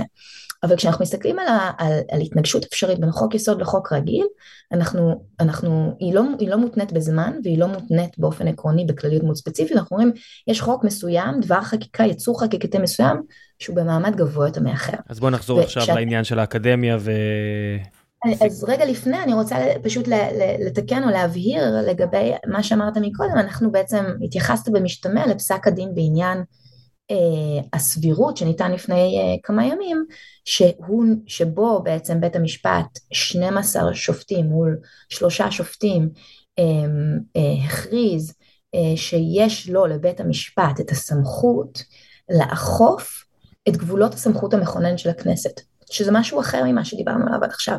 זה להגיד שכשנחקק חוק יסוד, חוק יסוד, כלומר לכאורה יצור חקיקתי במעמד החוקתי הגבוה ביותר, יש גבולות על הכנסת ביחס למה אפשר לשים בחוק יסוד, ובית המשפט יכול לאכוף, רשאי לאכוף, זה התפקיד שלו לאכוף את הגבולות האלו ולהגיד, הכנסת חרגת, אוקיי? עשית פאול עכשיו. אמ, כלומר, הביקורת השיפוטית מופנה כאן לא על המערכת יחסים בין חוק יסוד וחוק רגיל, אלא על האם חוק היסוד עצמו הוא לגיטימי, האם הוא תקף. ואיך מסתכלים על זה, זאת אומרת, באקדמיה, זאת אומרת, איך את כמומחית מסתכלת על פסיקה כזאת? א' כל, אני חייב לשאול ברמה האישית, היית רוצה להיות שם? להיות אחת מה... 15 שלוקחות את ההחלטה הזו? זאת אומרת, או שאת אומרת, אני שמחה שאני לא צריכה להכריע בסוגיה כזו. אמ, אני מעדיפה את החופש האקדמי על פני. אוקיי. אה, הקבילות אה, שקיימת אה, בבית המשפט, אבל כמובן שהשופטים עושים עבודה מאוד מאוד חשובה עם... באופן כללי, בית משפט הוא מוסד כמובן חסר תחליף. ו... ובשנה שבה הייתי בבית המשפט כ... כמתמחה, אחרי כמה שנים של לימודי משפטים, אני זוכרת שהרגשתי שזה, שזה הכי קרוב לתחושה שאתה עושה משהו ממש משמעותי שהיה לי מאז השירות הצבאי שלי. אמ, אז, אז זו עבודה מאוד מאוד חשובה, אבל זה, זה עניין של, של, אתה יודע, העדפות ושלב בחיים וכל מיני דברים כאלה. אמ, ביחס, ל, ביחס לפסיקה עצמה, אני חושבת שיש כאן, אה, יש כאן אה, באמת שתי שאלות שבית המשפט דן בהן. השאלה הראשונה, האם בעצם יש לבית המשפט או צריכה להיות לבית המשפט את הסמכות לקבוע גבולות גזרה לכנסת כשהיא מחוקקת חוקי יסוד, היא שאלה שבית המשפט כבר רמז מה העמדה שלו בעבר לגביה, וזאת לא הייתה הפתעה אה, שהרבה שופטים חושבים שלבית המשפט יש את הסמכות הזאת, למרות שהתוצאה של 12 מול 3, תמיד החלוקה המספרית היא, היא בהחלט אה, משהו שאתה לא, לא בהכרח יכול לצפות מראש, במיוחד שהרבה מהשופטים שופטים חדשים. ואני חושבת שהיא שמה במרכז שלה את, ה, את, שוב, את המתח המאוד גדול שקיים בישראל והוא ייחודי לישראל, שבישראל הכנסת יכולה לחוקק חוק יסוד, פרק מהחוקה המתהווה של ישראל, בעצם ללא שום פרוצדורה מיוחדת או הגבלות מסוימות. או רוב מסוים. מיוחד. שום רוב מיוחד, שום הליך מיוחד, בלי אישור על ידי לא, בית עליון או משאל עם או כל דבר כזה. ישראל ממש ייחודית בהקשר הזה, כלומר המדינה היחידה בעולם שככה פרקי החוקה שלה נכתבים. עכשיו, אם... זה הדבר הכי ישראלי שיש, אני חייב להגיד לך. לא, זה, פשוט נשמע כמו ישראל. הכל קשור לגישה גם האינקרימנטלית הזאת, שבה אנחנו מתפתחים עקב אחר אגודל, בתחילת, ה, בתחילת המפעל החוקתי הישראלי, כשאתה מסתכל למשל על חוק היסוד הראשון שנחקק, חוק יסוד הכנסת, נחקק ברוב של 90 אה, אה, חברי כנסת, בלי מתנגדים בכלל, אחרי הרבה שנים, בהסכמה רחבה בין סיעות הבית. אמ, הדברים האלו השתנו בהדרגה, כלומר מאוד יכול להיות שהכנסות הראשונות לא חשבו שצריך את ההסדרה הזאת, כי היה להם ברור איך, איך הם רואות את הדבר הזה שנקרא חוקי יסוד, והדבר הזה משתנה לאורך השנים. העולם אה, לא קופא על שמריו וקואליציות משתנות והמערכת הפוליטית משתנה והחברה הישראלית משתנה וזה כבר לא נכון. כלומר בעשור האחרון חוקי יסוד נחקקים אה, בדרך כלל בהסכמה הקואליציונית אה, והיא בלבד של, של חבריהם וזה הרבה פעמים מייצר דברים מאוד צרים. ותוך כדי חילוקי דעות מאוד עמוקים זאת אומרת מחוק הלאום ועד החוקים עד החקיקה האחרונה של השנה. כל החוקים האלה היו מאוד מלאי רגש, הם היו, זאת אומרת, היו טיעונים חזקים מאוד לכל כיוון. רוב, רוב, רוב השינויים שנעשו בחוקי היסוד בעשור האחרון אתה דווקא, דווקא כאילו לא שמעת עליהם לדעתי. אלה כמעט כל פעם שמוקמת קואליציה חדשה, היא משנה את חוק יסוד הממשלה ולפעמים גם את חוק יסוד הכנסת, בשביל להתאים לרצונות להסכמים הקואליציוניים, כן. כן, ואתה, ורוב הדברים האלו אתה לא שומע, ואם אתה שומע הם לא מעניינים אותך, הם מגדילים ומקטינים את מספר השרים ואת ההסדרים הנורבגיים שמאפשרים לחברי כנסת להתפטר וכן הלאה, בהתאם ל, לרצון אה, למצוא אה, אה, משרות ומשכורות לכל, ה, לכל הגורמים הרלוונטיים ולהשביע את רצונם. והדבר הזה הוא, הוא בצורה משמעותית השינוי הנפוץ יותר ש, שנעשה, וגם דברים שקשורים לתקציב uh, רב שנתי, uh, לא רב שנתי, גם דברים שבדרך כלל מעסיקים אם בכלל רק את העיתונות הכלכלית. Um, אז, אז העובדה הזאת היא ש, שהמרקם החוקתי יכול להיות להשתנות בצורה כל כך מהירה, לפעמים בעצם בשביל להתאים לפרק הזמן שצריך בשביל להקים ממשלה, עושים שינויים בחוקי יסוד תוך 48, תוך 72 שעות. מצד אחד היית אומר, כן, אם אם, אה, מה ההיגיון שבית המשפט יקבל אה, את היכולת להעביר ביקורת על פרק בחוקה של ישראל, כן? אה, כראות עיניו. כשה, כשהחוקה בהתהוות והיא לא הוגנה והיא אמורה לשקף את רצון הציבור וכן הלאה. וזה מאוד מאוד uh, נדיר, גם בעולם, זה לא שאין מקרים כאלה, אבל זה, אבל זה נדיר, למשל, בבית המשפט העליון בארצות הברית, אם סתם נחזור לארצות הברית, אז, אז לבית המשפט אין סמכות לבקר את החוקתיות של התיקון החוקתי ולהגיד לא, זה לא מספיק דמוקרטי, או זה לא מספיק... כן, um, אמריקה פשוט לה... כרגע מפולגת, אבל במידה והיא לא הייתה כה מפולגת, במידה ו-75% מהעם עכשיו היו מחליטים להוסיף תיקון נוסף לחוקה, בית המשפט העליון היה צריך עכשיו להתחיל לפסוק לפי התיקון הזה. נכון. כמובן יש את השאלה הפרוצדורלית, למשל אם נקבע שחייבים 75 אחוז או שני שליש והתיקון לא עומד ברוב או שיש פתאום מחלוקת עובדתית, אפשר להניח שזה כן יגיע לבית המשפט העליון. אבל, אבל, אבל זה כבר פרשנות של אה, חוקים קודמים, של, ה, של החקיקה החוקתית הקודמת. אני מדבר על מקרה שהכל כשר, כן. לא, אבל, אבל זה יכול להיות מוסב על תיקון חוקתי מסוים, אבל, אבל כשאנחנו מסתכלים על הסיטואציה כמו שהייתה עכשיו בבג"ץ הסבירות, אה, או בבג"ץ הנבצרות שמסתכלת על, ה, על, המ, על, מסתכלת על התוכן של ההסדר, אוקיי? האם, האם לצורך העניין הוא פוגע במאפיינים הגרעיניים של ישראל כמדינה יהודית ודמוקרטית כמו בבג"ץ הסבירות. דבר כזה הוא, הוא החלה של ביקורת שיפוטית על התוכן של, של נורמה חוקתית הוא דבר מאוד חריג. אבל כשאתה מסתכל על הצד השני ואתה אומר אין שום מעצור, מנגנון, מגבלה, דרישת רוב, שום דבר שהופך את החקיקה הזאת, נותן לה את המעמד המיוחד מבחינת הכנסת, זאת אומרת, יש כאן דילמה באמת מאוד מאוד, אה, מאוד קשה, כן? כי הכנסת באמת יכולה לחוקק כל דבר, וזה לא רק אה, אה, חששות בעלמא, אנחנו בעצם ראינו תוכניות כאלו עולות על פני השטח במהלך השנה האחרונה, שיכולות להביא לשינויים מאוד מאוד מרחיקי לכת ומאוד מסוכנים בדמוקרטיה הישראלית.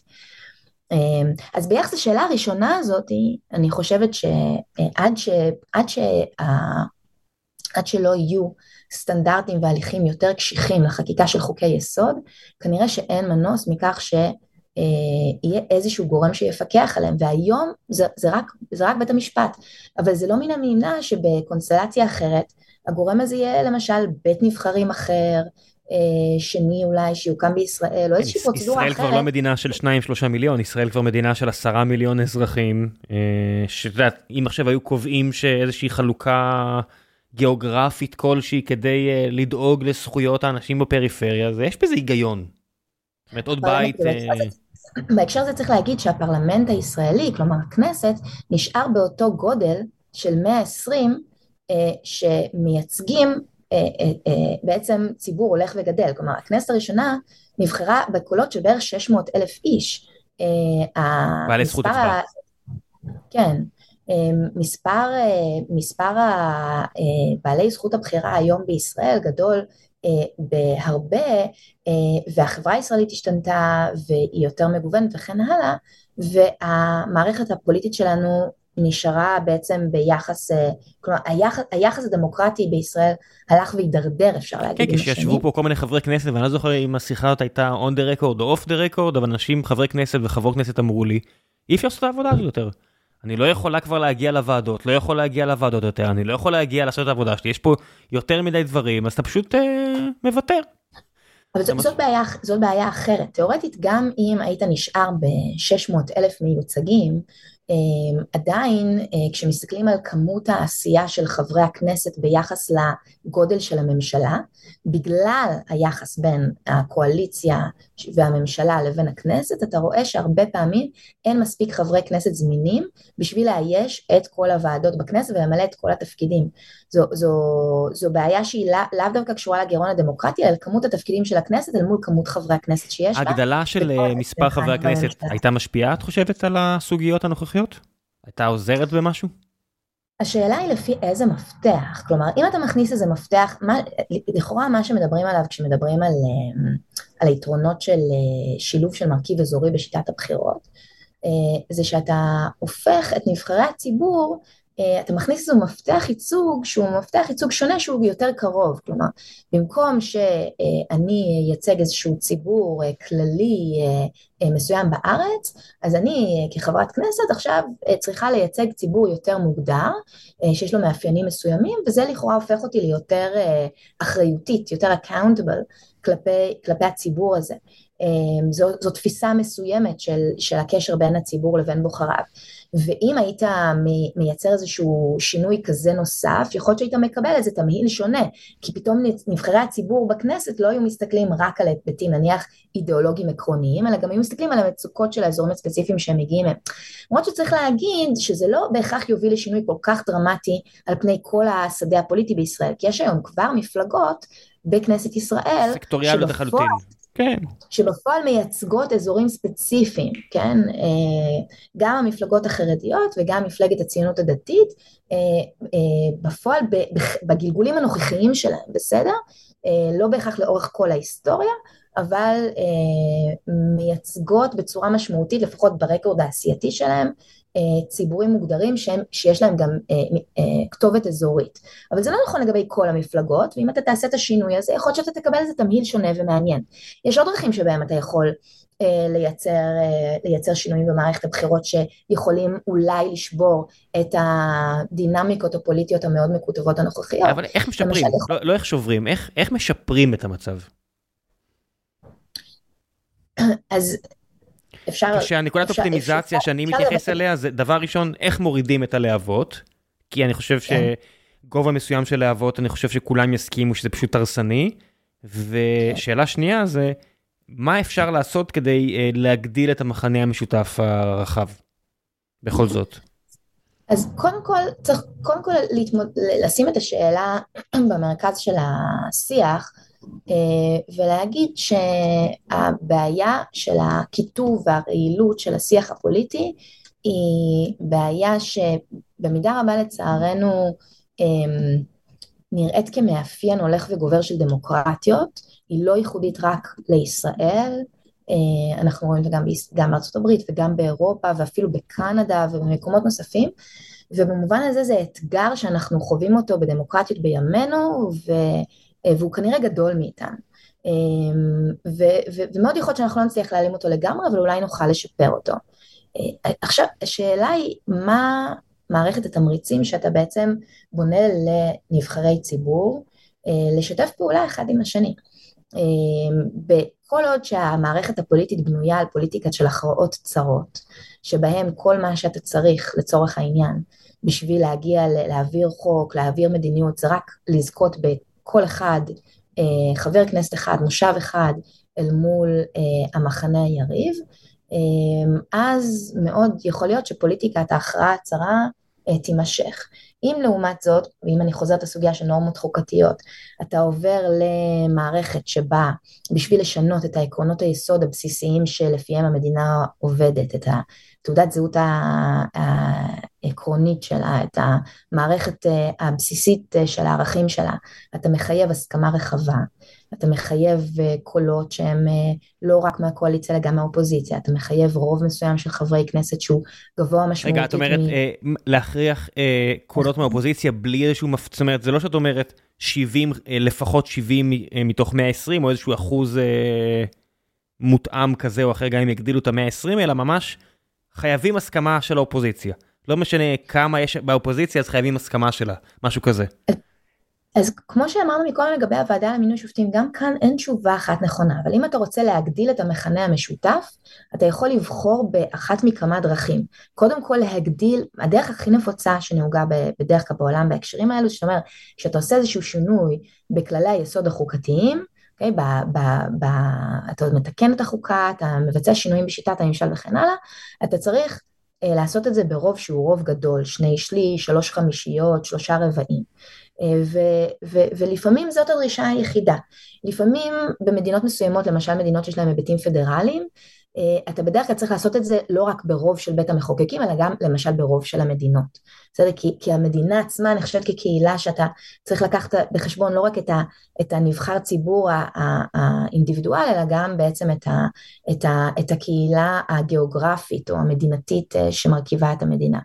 ו, ואפשר גם, וזה הצעות שעלו על השולחן בהקשר הישראלי, להגיד שזה צריך להתבצע בשיתוף פעולה מסוים של אופוזיציה וקואליציה, כך שגם אם יש קואליציה גדולה, אז יש איזשהו מספר המינימום של חברים מהאופוזיציה שאתה תביא בחשבון אמ, בשביל לקבל את ההחלטה, ואגב יש לזה תקדימים במש, במשפט החוקתי הישראלי, למשל אמ, באחד מהתיקונים שנעשו לחוק יסוד הכנסת שזכה לתיקו, לשם חוק ההדחה, שעסק בהאם אפשר להדיח חבר כנסת מכהן אחר שנבחר, אמ, אז ההסדר שכנסת ישראל חוקקה מחייב בשלבים שונים של ההליך לא רק את הקואליציה ולא רק במספר גבוה מאוד של חברי כנסת, אלא גם לפחות עשרה חברי כנסת מהאופוזיציה בשביל אה, לנהל את המהלך. כדי שלא אז, יהיה איזשהו. אה, בעצם אה, התעמרות של הרוב במיעוט.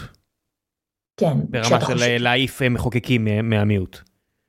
במיוח... כן, במיוחד כשאתה רואה לנגד עיניך את התרחיש שקרוב בוודאי שמי שיועף מהכנסת לא, לא בוא נשים את הדברים על השולחן, כן, בארץ זה כנראה יהיה ערבי. כן. כן, זה, זה בהחלט, אה, זה גם כשאני מסתכל על העילות שעליהן הופעלה היכולת, כלומר שחוק ההדחה אה, לקח את היכולת בעצם אה, להיות מיושם עליהם, אלה עילות שבדרך כלל מופנות כלפי חברי כנסת מהמפלגות הערביות. בקיצור, אז יש כאן כמה אפשרויות שאפשר לבחור ביניהן, אבל הדבר החשוב הוא בעצם כשאנחנו מסתכלים בתהליכים חוקתיים בעולם אנחנו לומדים מהם, וזה משהו שבא לידי ביטוי, או לפחות ב...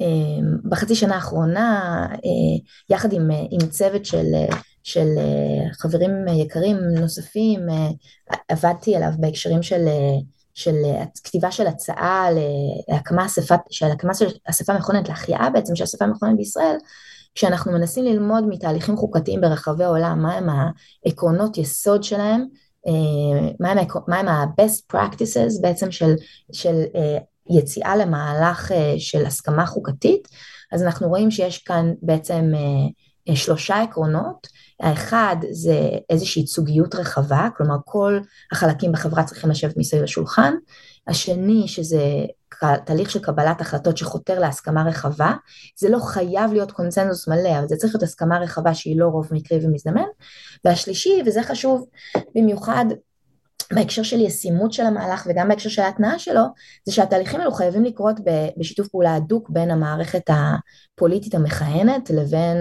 אם זה גוף חדש שמוקם, אז זה חייב להיות איזשהו שיתוף פעולה הדוק ביניהם, כי בסופו של דבר מה שזה לא יהיה שאספה מכוננת הולכת אה, לקבוע, או ועדה מיוחדת, כן, שתוקם בכנסת, או מה שזה לא יהיה, אם אין לזה את השיתוף פעולה של מי שבפועל מחזיק בכוח הפוליטי, אז ימצאו את הדרכים בעצם בסופו של דבר שזה לא יתממש, כי בין אם כי יחשבו שזה לא ישים או כי לא ירצו את זה, אה, ואו ימנעו מזה בעצם לצאת לפועל מראש. וההסכמה הזאת היא חשובה כי, כי, כי היא גם מבטאת את, ה, את המערכת יחסים העדינה בין מי שמחזיק בכוח הנוכחי לבין מי ש... מתיימר לקבוע את הנורמות עומק שהן גם כלפי העתיד, כלומר בכל מערכת דמוקרטית יש, יש בעצם את שאלת היחסים בין הרוב הנוכחי לבין הרוב של העבר לרוב של העתיד, כן? אה, וה, והשיתוף פעולה בין, בין שני התהליכים האלו, אה, יש בו משהו שמשמר את, ה, את האיזון הכל כך נדרש הזה. איך עושים דבר כזה? זאת אומרת, תמיד כשמגיעים לסוגיה של בואו נעשה חוקה, בואו נעשה אספה מכוננת, תמיד אני, זה, זה נשמע מדהים על הנייר, אבל אז מסתכלים על עומק הפערים והאיבה וה... רק, רק השבוע אני חושב ש, שכתבתי שיש את, שנזכרתי בטקסט של איתי אנגל שהוא כתב על רואנדה שההוטו והטוצי הצליחו לסלוח אחד לשני למרות שהיה שם עשרות אלפים שנטבחו במצ'טה ופה פוליטיקאית שאומרת סליחה על מה שהיא עשתה מיד אה, מח, מחכים לה עם אבנים משני הצדדים זאת אומרת, את יודעת, היה, היה פה ראש ממשלה שרץ על הטיקט שלא מתנצלים. זאת אומרת, אנחנו עם שממש אה, מתבצר בכל דבר אפשרי, ואיך עם המטען התרבותי, ההיסטורי, הנוכחי הזה, אפשר בכלל להגיע למשימה כזו של חקיקה כל כך משמעותית אחורה וקדימה ו- ולעכשיו? קודם כל, אני, אני חולקת עליך שזה תיאור נכון של uh, ההיסטוריה הישראלית. בסדר? אני חושבת שהצלחנו להגיע להסכמות uh, משמעותיות לאורך 75 שנים בהמון תחומים, כולל בתחומים החוקתיים, וגם הצלחנו להתגבר על מחלוקות uh, פוליטיות מאוד מאוד מאוד חריפות, כן? אלטלנה, uh, למשל, כן? Uh, ירי uh, של uh, כוח צבאי uh, של מדינת ישראל על uh, כוח צבאי של... Uh, תנועה אה, פוליטית אה, מהמיעוט, כלומר, זה, זה, זה דברים... ההתנתקות ב-2005, אני חושב, זו הדוגמה הכי מדהימה. לדבר כן, כזה. אני... אומרת, למרות שהיה מאות אלפים שהתנגדו, שרשראות אנושיות, עדיין הדבר הזה עבר, והם כיבדו את כללי המשחק. אבל זה רק בשביל להגיד שגם בימים שאנחנו כאילו מתרפקים עליהם כתור הזהב, ההתנתקות יושבת, אני חושבת, חזק במחשבות של כולם. אה, בשנה האחרונה חזרו אליה שוב ושוב, אבל גם כשאנחנו מסתכלים על הימים שכאילו היום מתרפקים עליהם כתור הזהב, לא כך, כן? היו מחלוקות מאוד נוקבות מראשית אה, המפעל הציוני לפני קום המדינה ואחרי קום המדינה, והצלחנו להגיע להכרעות בהם, אה, והצלחנו להגיע להסכמות והצלחנו לבנות מדינה קדימה. אז כאילו, המחשבה שאין לנו את היכולת לצאת מזה היא, היא נראית לי מרפאת ידיים אה, ולא לא נאמנה לה, לה, להיסטוריה שלנו. אבל אין ספק שיש לנו אתגר, כלומר השאלה איך עושים את זה היא עדיין שאלה חשובה. כשאתה מסתכל על בעצם, אני חושבת שהגישה האינקרימנטלית אגב בהקשר הזה שירתה אותנו היטב, כי אמרנו כן אנחנו לא יכולים להגיע להסכמות על הכל, אבל אנחנו נגיע להסכמות כל פעם על מה שאנחנו מסוגלים לעשות. והבעיה היא שזה כאילו שריר שאנחנו איבדנו את היכולת לה, ליישם אותו. ואני חושבת שכשאנחנו מסתכלים על המשבר שאנחנו נמצאים בו, אנחנו רואים שזה משבר פוליטי שנמשך לפחות חמש שנים, וכאילו הוביל את ה... את, ה, את המערכת הדמוקרטית מה, שלנו. מה את קובעת בתור ההתחלה שלו? מה זה החמש שנים משפטי נתניהו? אני חושבת שכשאנחנו מסתכלים על המשבר הפוליטי, אז זה ממערכת הבחירות בעצם אחרי אה, שהוחלט להעמיד את אה, נתניהו לדין. אבל, אבל זה עדיין הבסיס, זאת אומרת, גם את השתמשת בזה בנקודת ייחוס, בסופו של דבר עדיין המאורע הזה של uh, מערכת המשפט שמעמידה לדין uh, ראש ממשלה או מועמד לראש ממשלה, ואנחנו, זאת אומרת, אנחנו, את חיה במדינה שהולכת להתרסק לקיר הזה uh, ממש השנה. ואני לא מדבר על ישראל, אני מדבר על ארה"ב. סוגיה מאוד דומה מהרבה בחינות. אה, נורא נורא נורא מורכבת, תרשה לי רגע להשאיר אותה מחוץ לדיון שלנו, זה מה שקורה עכשיו עם טראמפ בארצות הברית זה דבר ממש ממש מורכב, גם מבחינה חוקתית וגם מבחינה פלילית, ויש הרבה דמיון, אבל, אבל רגע שנייה בוא נשים את זה בצד. אמ, כשאנחנו מסתכלים, כשאני, כשאנחנו מסתכלים על המשבר הפוליטי, הוא, אה, קודם כל זו לא הייתה הפעם הראשונה שבה אמ, ראש ממשלה עמד לדין בישראל. לא, כמעט כל ראשי הממשלה האחרונים הועמדו לדין למען האמת. המערכת הכריזה על, על כוונתה להעמיד לדין ראש ממשלה בישראל, כן, וכן הלאה, אבל, אבל כשאנחנו מסתכלים על מה שקרה מבחינה פוליטית, אוקיי, אז אנחנו רואים שלמשל מיד לאחר מכן לא הצליחו להקים ממשלה והכנסת בצורה תקדימית החליטה להתפזר. אוקיי? מעולם כנסת לא החליטה להתפזר בלי להקים ממשלה אחרי שהיא נבחרה לפני כן, פשוט לא קרה. בסדר? הנה התברר שנורמה שהייתה בבסיס של כל ההתנהלות הפוליטית בישראל מהקמתה. כן? זה תמיד היה את האפשרות, תמיד כנסת יכלה להחליט שהיא לא מצליחה להקים ולהתפזר, אבל היא לא עשתה את זה. כן? זה, ו, וזה, ו, וזה היה ההתחלה אה, של מה, אתה יודע, חמש מערכות בחירות בשנתיים וחצי וכן הלאה. אה, אנחנו רואים שמשהו מאוד מאוד בסיסי במערכת אה, הפסיק לעבוד, והוא הפסיק לעבוד לא כי עוד לפני שהיה בעצם איזשהו שינוי. כלומר, השילוב הזה של נורמות חוקתיות רכות, בסדר? איך, איך שהצדדים מבינים ורוצים והמוטיבציות שלהם בתוך המערכת, למה שחברי כנסת יחליטו לא לממש את המנדט שניתן להם ולהתפזר ולא לעשות כל מאמץ ולהצליח להקים ממשלה ולהתפשר תוך כדי. הדבר הזה כאילו נשבר, זה, זה נורמה רכה, כן? זה, זה, זה לא, אף אחד לא חייב אותם לעשות את זה, אבל הנה התברר וזה קרה שוב פעם ושוב פעם ושוב פעם. אה, ו- ואנחנו מבינים וזה מתקשר לשאלה שלך של איך הדבר הזה קורה, כן? כתיבה של חוקה זה בדרך כלל לא תהליך אידילי, זה לא, זה לא שכולם מתקבצים וככה שרים שירים אה, ככה של שלום ואומרים אנחנו החלטנו אה, לכתוב חוקה וחוקה זה לא מין מן כזה שיורד מהשמיים וכולל זכויות אדם ויש שם הרבה חוקות מדינות לא דמוקרטיות, חוקה זה לא פתרון קסמים לשום דבר. לא, לא, גם בצרפת אנחנו... וארצות הברית שזה החוקות, כן. בסוף זה נכתב בדם. ואיפה אנחנו רואים שמדינות עושות את הדבר הזה? כשאין להן ברירה, כשהן נמצאות במשבר מאוד גדול, זה יכול להיות משבר ביטחוני, זה יכול להיות משבר כלכלי, זה יכול להיות משבר אזרחי חברתי, הן אה, כותבות את החוקות שלהן או משנות את החוקות שלהן, ו-2023 אה, התחלנו בזה ואולי גם נסיים בזה, היא כנראה השנה הגרועה ביותר שהייתה למדינת ישראל מקומה, אנחנו רק מחודש לחודש בעצם אה, אה, אה, ראינו את הדבר הזה מעמיק יותר ויותר, והשאלה האם הדבר הזה יהווה טלטלה שתוביל לשינויים משמעותיים במבנה המשטרי שלנו היא עדיין כמובן לא הוכרעה, אבל כשאנחנו מסתכלים ברמת הצורך ואנחנו מסתכלים על המשבר הפוליטי המתמשך הזה, שהשפיע בצורה חסרת תקדים על היציבות השלטונית בישראל, על היכולת של ממשלות לקום, למשול, להתעסק באתגרים המשמעותיים של ישראל. לך תדע בוועדת החקירה מה התברר ביחס לכישלון הצבאי של השביעי באוקטובר, כמה רחוק זה אולי הולך לפשוט חוסר תשומת הלב, כן, שהיה על הצבא מממשלות בכמה שנים לפני כן, מכיוון שהן היו עסוקות בשרידות הפוליטית שלהם ולא בלנהל את המדינה, או אה, העובדה שלא עבר תקציב כמה שנים, כן, כאילו לא ב, ב, ביעדו והמשמעות של זה על היכולת של הגופים השונים במדינת ישראל, למשרדי הממשלה, להתקדם, אה, לבצע תוכניות, אה, להקצות תקציבים לצרכים חיוניים וכן הלאה, אולי חלק מהחוסר תפקוד הכולל שראינו בשביעי לאוקטובר של משרדי הממשלה מעבר לצבא, קשור גם לעובדה הזאת שבמשך חמש שנים לא באמת הייתה ממשלה בישראל, כן? אה, ולא, ולא, ולא עברו תקציבים כמו שצריך והדברים לא התנהלו כמו שצריך. אז המשבר שאנחנו נמצאים בו בנקודת הזמן הזאתי, יש בו כבר הכרח.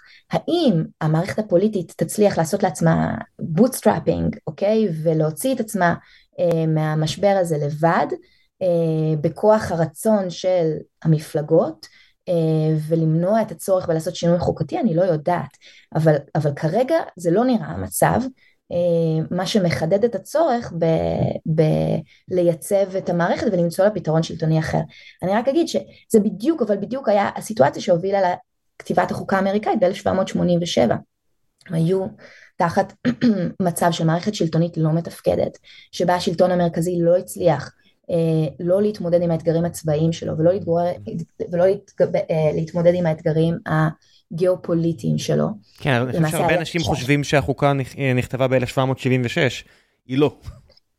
לא, וזה היה בעצם כמעט עשור אחרי, זה היה עשור אחרי מלחמת העצמאות האמריקאית, הם עדיין לא הצליחו לשלם משכורות לצבא, הייתה התקוממות וחצי דברים שנראו כמו התחלה של כאילו אה, מרד בחלק מהמדינות, למשל במדינת מסצ'וסטס, היה פחד שהמעצמות האירופיות מעבר לים יבינו שארצות הברית הזו שהרגע ניצחה את אנגליה היא בעצם נורא חלשה ואולי אפשר להשתלט עליה מחדש.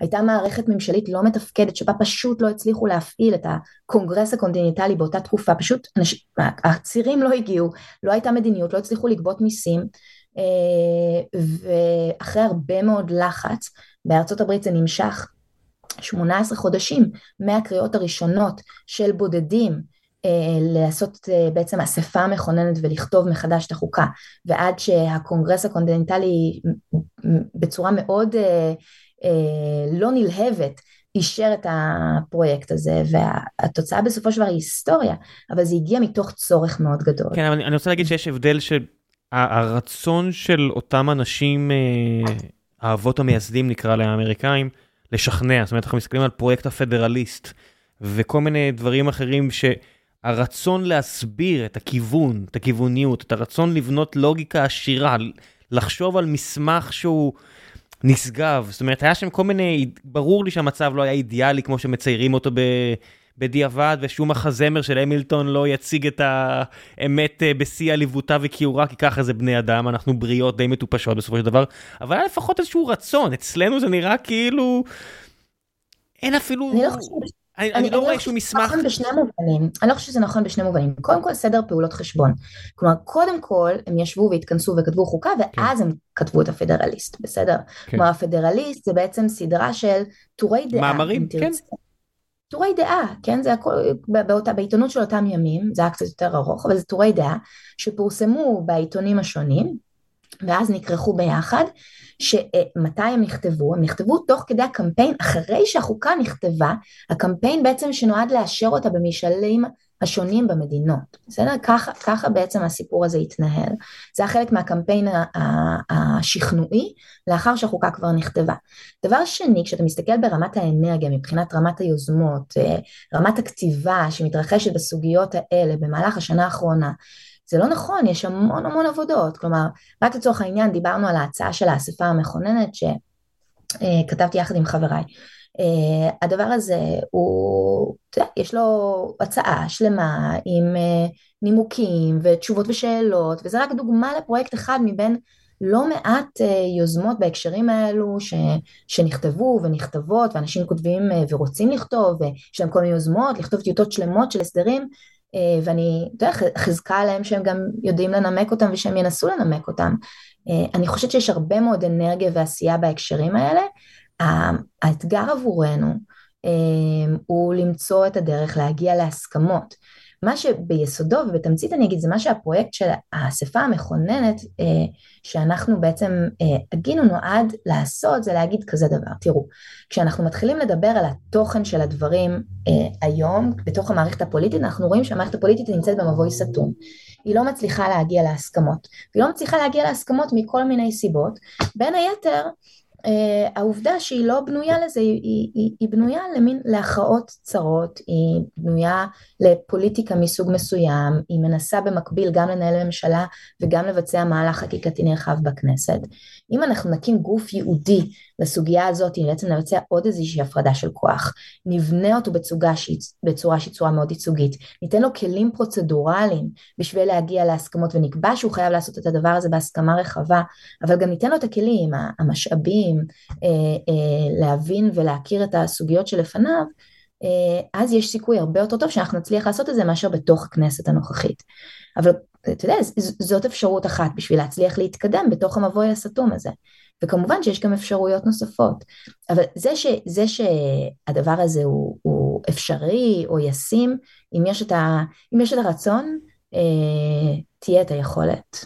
כן, אני, אני מניח שיש גם, בסוף בגלל העניין הפרסונלי, זאת אומרת, משהו כמו הגבלת כהונות. שאתה לא, אנשים מסתכלים נגיד על ארצות הברית, ואם נוציא את טדי רוזוולט שרצה לבטל את זה כשהוא החליט שהוא רוצה להיות נשיא פעם שלישית, יש איזושהי הסכמה של הסיפור הזה, וזה לא שאין מדינות כמו גרמניה, שבהן אה, קאנצלרית לא מכהנת 20 אה, שנה כמעט, אבל נניח שלישראל זה מתאים, אני חושב שאחרי פוסט אה, נתניהו, אני חושב שזה למשל משהו שיהיה אפשר להגיע אליו להסכמה. זאת אומרת, אם מוציאים את נתניהו מהדיון, אני חושב שלמשל על משהו כזה יש הסכמה מאוד רחבה. אני חושב שיהיה אפשר להגיע, אני חושב שיש פה, בגלל העניין ה...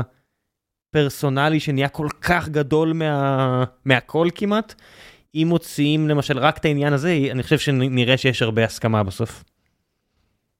מאוד יכול להיות. זה כמובן לא יפתור את כל הבעיות. לא. יש הרבה דברים שאפשר להגיע אליהם להסכמה. אמ, בסוף יהודית נגד דמוקרטית תהיה בסוף אה, עד יומה האחרון של המדינה הזו.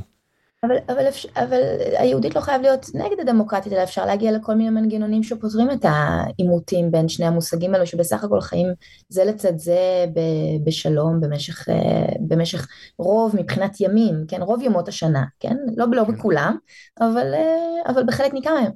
אמ, המנעד של ההסכמה הוא הרבה יותר רחב ממה שנדמה, אה, אבל המערכת הפוליטית שלנו לא מתומרצת היום למצוא את ההסכמות האלה, והשאלה היא באמת איך לעזור לה להתגבר על זה ולתמרץ את, ה, את נבחרי הציבור, לשקף את ההסכמות שבחלקים משמעותיים לפחות מהן כן קיימות או ניתנות להגעה בציבור. שאלה אחרונה ואז נסיים. אה, אם היית יכולה רק דבר אחד, רק פרוצדורה אחת להכניס, לא חייבת להיות ענקית, שאת חושבת שהייתה משחררת קיטור, מסייעת, עוזרת, אה, מבצרת משהו שחשוב, מה היית עושה? אם uh, לך נותנים את הזכות הדיקטטורית uh, להכניס איזושהי פרוצדורה דמוקרטית לשיטה. ולתת לה מעמד מיוחד. אבל משהו לא אמורפי. זאת אומרת, לא הפרדת רשויות כ... כעיקרון, כן. כי הפרדת רשויות כעיקרון, אפילו זה, אנשים יגידו, אוקיי, אז את יודעת, הנה, בית המשפט העליון דורס את הכנסת, אחרים יגידו, הנה, הכנסת דורסת את בית המשפט העליון, אבל איזה פרוצדורה את מרגישה שיכולה לעשות טוב למדינת ישראל? אמ, זו שאלה ממש ממש אה, מצוינת וגם מאוד מאוד קשה. אמ, אני חושבת על זה בשנה האחרונה ועוד לפני כן כאגד של כל מיני פרוצדורות שאנחנו צריכים, קשה להגיד רק אחת.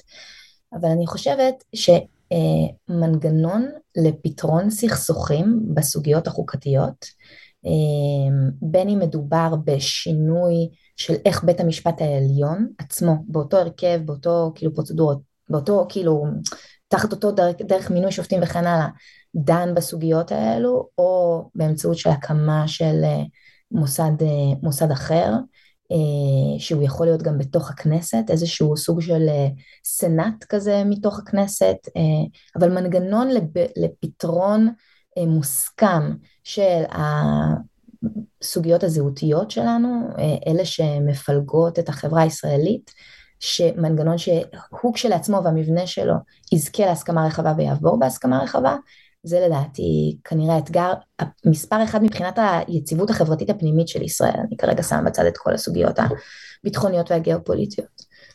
זה לדעתי מה שהייתי עושה. אוקיי, okay. המלצות, מה שבא לך, אין לי רגולציה, בניגוד uh, למקומות אחרים.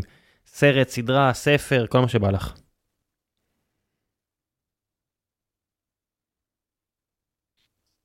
לא חייב להיות uh, מהתחום שלך כמובן. לא חייב להיות רציני, לא חייב להיות מעמיק, אם בא לך אז כן, אבל מה שבא לך. וואו, uh, הזכרת את הפדרליסט, uh, אני דווקא חושבת שזו המלצה מעולה לקריאה, uh, למי שמתעניין בסוגיות שדיברנו עליהן uh, עכשיו. אמ, זה כתוב באנגלית מפעימה, זה כזה, זה תמיד שאני נתקל בטקסט ברמה גבוהה, אני תמיד אומר לעצמי, זה ללקק את השפתיים הדבר הזה, זה לא ייאמן שפוליטיקאי כתב את זה. נכון. יש, יש לו גם uh, כמה פוליטיקאים, uh, יש, ל, יש ל, לטקסט הזה גם תרגום מצוין בעברית, כלומר הפדרליסט יצא בעברית בהוצאה נדמה לי של שלם, uh, וגם הייתי קוראת את uh, את uh, על החירות, On Liberty, של ג'ון סטיוארט מיל, שהוא גם כתוב בצורה מופלאה, ואני חושבת שהוא uh, טקסט, uh, טקסט חובה לכל מי שרוצה באמת לעסוק בסוגיות האלה. אני אמליץ על, גם על ספר, על The Man From The Future, זה ביוגרפיה, אני קורא אותה עכשיו של uh, פון נוימן, ג'ון פון נוימן, בגרסה האמריקאית שלו, ולא בשם ההונגרי המקורי שלו. אמ, תמיד נחמד לראות אנשים שלא מתעסקים בזוטות שאנחנו, שהם חיים בספרות אחרות. זה, ש, שהיו כאלה בינינו, בטח יש כאלה בינינו גם עכשיו, ו, וקצת לקבל הצצה לגבי איך הם חוו את, ה, את העולם ואת הקיום. אה, מרתק לראות אה, חבורה של אה, יהודים מהונגריה ששינתה את העולם כמו שאנחנו מכירים אותו. ולטעות איך לכל הרוחות הדבר הזה קרה, וספציפית על ה... כנראה שעל המופלא שבהם. זהו, זו המלצה שלי. תודה רבה רבה רבה לך על הזמן, אה, ונקווה שנזכה לראות אותך בישראל בקרוב. בקרוב. תודה רבה. ביי ביי. תודה רבה.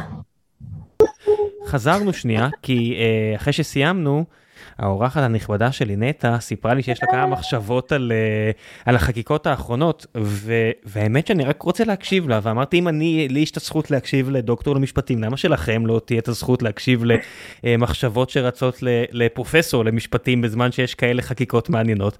אז חוק הנבצרות, הייתי עסוק היום בכל מיני פגישות, לא קראתי על זה בכלל. Uh, תספרי לי קצת, מה המחשבות שלך בנוגע לחקיקה האחרונה? תראה, אני חושבת שהדבר, דבר אחד שכבר אה, אני חושבת שכן אה, אה, אמרתי במהלך השיחה שלנו, זה אני חושבת שגם מתוך הפסק דין של הנבצרות רואים את העובדה הזאת שיש, שיש מחנה מרוסן אל מול מחנה מרחיב בתוך בית המשפט, וזה בעצם אותם שופטים בדיוק. ו, ושוב פעם פסק הדין הוא, אתה יודע, כאן הוא היה שמונה מול שבע, עכשיו הוא שש מול חמש, אנחנו רואים את אותם יחסי כוחות. ואתה בעצם רואה שהדבר הזה תופס איזשהו מאפיין אה, יציב של, של בית המשפט, ושוב פעם אתה רואה ששתי השופטות בעצם שפרשו מבית המשפט, בדרך החוצה הן שייכות למחנה המרחיב, ובית המשפט בעצם עומד בפני שינוי, שהשינוי הזה כבר בו, אה, והשינוי הזה הוא לכיוון מרוסן יותר. זה דבר אחד שמעניין בפסק הדין של נבצרות. היו מחשבות למשל לפני שהוא פורסם היום, שאולי בית המשפט אה, כאילו נניח נתן מכה לקואליציה עם הסבירות, אבל הוא ייתן בונוס לקואליציה עם הנבצרות או משהו כזה. ולא, שתי הפסיקות הולכות באותו כיוון, כן, ואותם שופטים נמצאים באותו מקום, ואף אחד לא ניסה כאילו to split the difference בצורה אחרת במובן של, במובן של התוצאה. אה, אני חושבת שבאופן אה, אבל קצת יותר עמוק, יש, יש דיון מאוד מעניין בפסק הדין. אה, ביחס לשאלת הפרסונליות של החקיקה. בעצם מה זה חוק, ה... מה זה התיקון לחוק יסוד אה, הממשלה שעוסק בנבצרות? בעצם אה, מגדיר איזשהו מושג שלא זכה לשום יחס בעצם בחוק יסוד הממשלה לפני כן, זה סעיף עמום לחלוטין שאין בו שום הגדרה, שמדבר על זה שיכול להיות שתהיה סיטואציה שבה, שבה ראש הממשלה נבצר ממנו למלא את תפקידו. ומה זה אומר נבצר ומהן הנסיבות האלה, זה פשוט משהו שחוק היסוד לא נותן לו שום תשובה, ואף חוק רגיל לא הגדיר אותו. והמחנה של ה... בוא נגיד נקרא לו המחנה המרחיב בבית המשפט העליון, המחנה של השישה אה, בעצם אומר אה, אוקיי, נכון, אבל כשאנחנו מסתכלים על מה, מה עשתה הקואליציה, אז אנחנו רואים שהוגשו עתירות בשביל להכריז שנתניהו נבצר ממנו למלא את התפקיד והקואליציה נכנסה לפאניקה שהיועץ המשפטית הולכת לפטר את אה, נתניהו והם אה, הגיבו ב- לחשש הזה למרות שבעצם היא לא אמרה שהיא הולכת לעשות את זה ולא הייתה שום אינדיקציה לזה שהיא הולכת לעשות את זה ואז הם הולכים וממהרים לחוקק איזשהו תיקון לחוק היסוד שכל המטרה שלו היא פרסונלית והיא בעצם לחלץ את נתניהו בעור שיניו מהעתירות שהוגשו נגדו ומהאפשרות שהיועצת המשפטית לממשלה תתערב. בעצם אומרים אנחנו מסתכלים על הדבר הזה אנחנו רואים דרכו זה ארוז בצורה משפטית זה לא אומר את השם נתניהו זה לא מדבר רק על ראש הממשלה הנוכחי זה לא מדבר רק על הכנסת הנוכחית אבל זה פרסונלי לגמרי.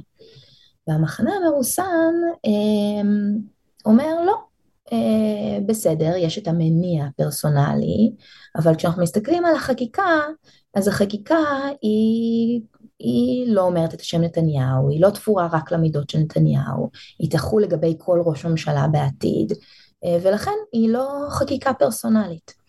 אמ, והשאלה הזאת היא מה זה פרסונלי, קודם כל האם מספיק שהמניע הוא פרסונלי בשביל להפוך חוק לפרסונלי, או שאתה חייב שגם החוק עצמו יהיה תפור לפי הקריטריונים שלו, לפי הכללים שלו לבן אדם אחד, היא שאלה מרכזית שעומדת בבסיס, אה, בבסיס הדיון. אבל יש כאן גם איזה... מה דעתך? שנייה, אני רוצה, אם, אם אפשר להוסיף... אה, הרי בסופו של דבר מניע זה חשוב, בעולם שבו אפשר לחוקק חוק ואז אפשר לבטל אותו. מתי שלא רוצים, הרי שאין שום הגנה לחקיקה, ו- ואין תהליך מוסדר, אין פרוצדורה שמגינה על החקיקה עצמה. מה מונע מכל חוק להיות חוק פרסונלי? זאת אומרת, אני מסתכל על חוק המתנות, לא רשום שם משום מקום נתניהו. אבל היה ניחוח והיו בטורים של יוסי ורטר מספיק פירורי לחם כדי להבין שזה אכן חוק פרסונלי. זאת אומרת, אז מה הוא, מה בכלל ההגדרה של חוק פרסונלי? רק אם יש שם פרסונה מוגדרת היטב? אז קודם כל השופ, השופטים עצמם מתווכחים בשאלה הזאת. השופטים מתווכחים אם מה שחשוב זה המניע, אה, התוצאה, עד כמה התוצאה חייבת להיות ממש מוגדרת לבן אדם אחד בשביל לחשב בתור פרסונלית או לא. אה, והאמת היא שיש גם סוגיות שהן לא לגמרי מוסברות בהקשר הזה, למשל אה, שניים משופטי המיעוט, אה, השופט, השופטים סולברג ומינץ, ישבו רק לפני כמה חודשים בהרכב שנתן החלטה פה אחד בבג"ץ טבריה, אם אתם זוכרים, כלומר זה הבג"ץ שבו בעצם אה, עמד במוקדו חוק שהתערב בכללים של הבחירות ברשויות המקומיות, בצורה כזאת שאפשרה ליושב ראש ועדה קרואה אה, להתמודד, להתמודד בבחירות הקרבות, החוק הזה חל על בן אדם אחד בלבד, הוא נוסח בצורה כללית. הוא, הוא היה רלוונטי ונחקק בגלל שש"ס היה מאוד חשוב בנוגע לבחירות עכשיו בטבריה, אבל כמו עם החוק של הנבצרות, אוקיי. זה, זה הגיוני אז, אז, להרבה אז, סיטואציות. אז, אז זה בדיוק הנקודה, אז מה שמעניין בפסק הדין, אז, אז רק בשביל להשלים את התמונה לגבי, לגבי בג"ץ טבריה, היה שם חוק רגיל, או חוק יסוד או חוק רגיל, שנוסח בצורה כללית, אבל גם המניע וגם מבחינת ההיקף תכולה שלו, חל על בן אדם מסוים, נחקק עבור בן אדם מסוים וחל על בן אדם מסוים. וכל השופטים באותו פסק דין קובעים פה אחד, אה, שהחוק הזה אה, בטל מכיוון שהוא פרסונלי. אוקיי? מכיוון שהוא נועד להיטיב עם הבן אדם הזה, מכיוון שהוא מיטיב איתו בפועל, מכיוון שהדבר הזה בעצם מהווה איזשהו שינוי של כללי המשחק הדמוקרטי. אמ, וכאן בפסק הדין של הנבצרות, שניים מאותם שופטים שישבו בהרכב, אה, סולברג ומינץ, אמ, לא מתייחסים בכלל לעובדה שהם תמכו בביטול של, אה, של אותו חוק רגיל מטעמי פרסונליות, אה, וקובעים שהחוק של הנבצרות, אה, כפי שהוא אה, מוחל על ראש הממשלה, זה שיש מניע פרסונלי וזה שהתכולה שלו היא באופן ספציפי, ספציפי על נתניהו, לא מספיקה בשביל להפוך אותו לפרסונלי, כי הוא יכול באופן תיאורטי לחול על כל אדם מכאן ואילך, בדיוק כמו אגב החוק שעמד בלב של בג"ץ טבריה. יש כאן איזה, איזה עניין מעניין ככה מבחינת, מבחינת השופטים, אבל כשאנחנו מסתכלים על השאלה הזאת באופן כללי, אני חושבת שחייב להיות ברור שזה לא מספיק במניע. כן, המניע עצמו הוא לא מספיק לדעתי. כשאנחנו מסתכלים על איך כנסת או כל פרלמנט מחוקק חוקים, הרבה פעמים המוטיבציה לחוקק חוק קשורה לאיזשהו משהו קונקרטי שקרה בעולם, ש... שהמחוקק רוצה לטפל בו, שהכנסת רוצה אני, לטפל אני בו. אני נראה לי, בלי לבדוק סתם אצבע ברוח, אני אאמר שזה נכון ברוב המוחלט של המקרים. הרי זה לא, להיות... נכון, זה לא? לא נכון ברוב המוחלט של המקרים, כי נניח בישראל לא מעט מהחקיקה היא תוצר של אה, לפעמים עבודת מטה שנעשית לאורך שנים, אה, נניח סתם, תחשוב מבחינה כמותית, מבחינת... אבל עבודת מטה גם בדרך כלל יש איזשהו גוף שדוחף, או יש איזשהו אדם שדוחף ויש לו איזשהו מניע... אה, את אומרת זה לא חייב להיות משהו אה, ב-DX לא. בשנייה הזאת, אבל אני חושב בכל זאת יש איזושהי כן. סיבה מאוד קונקרטית.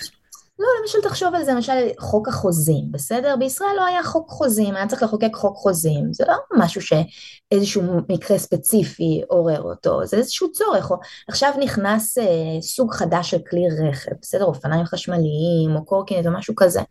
לאו דווקא זה אה, אה, איזושהי תאונה ספציפית תעודד את חברי הכנסת לחוקק חוק כזה, מאוד יכול להיות שעצם העובדה ש... אה, שיש טכנולוגיה חדשה בעולם, תוביל אותם לטפל בזה, ולא מקרה ספציפי.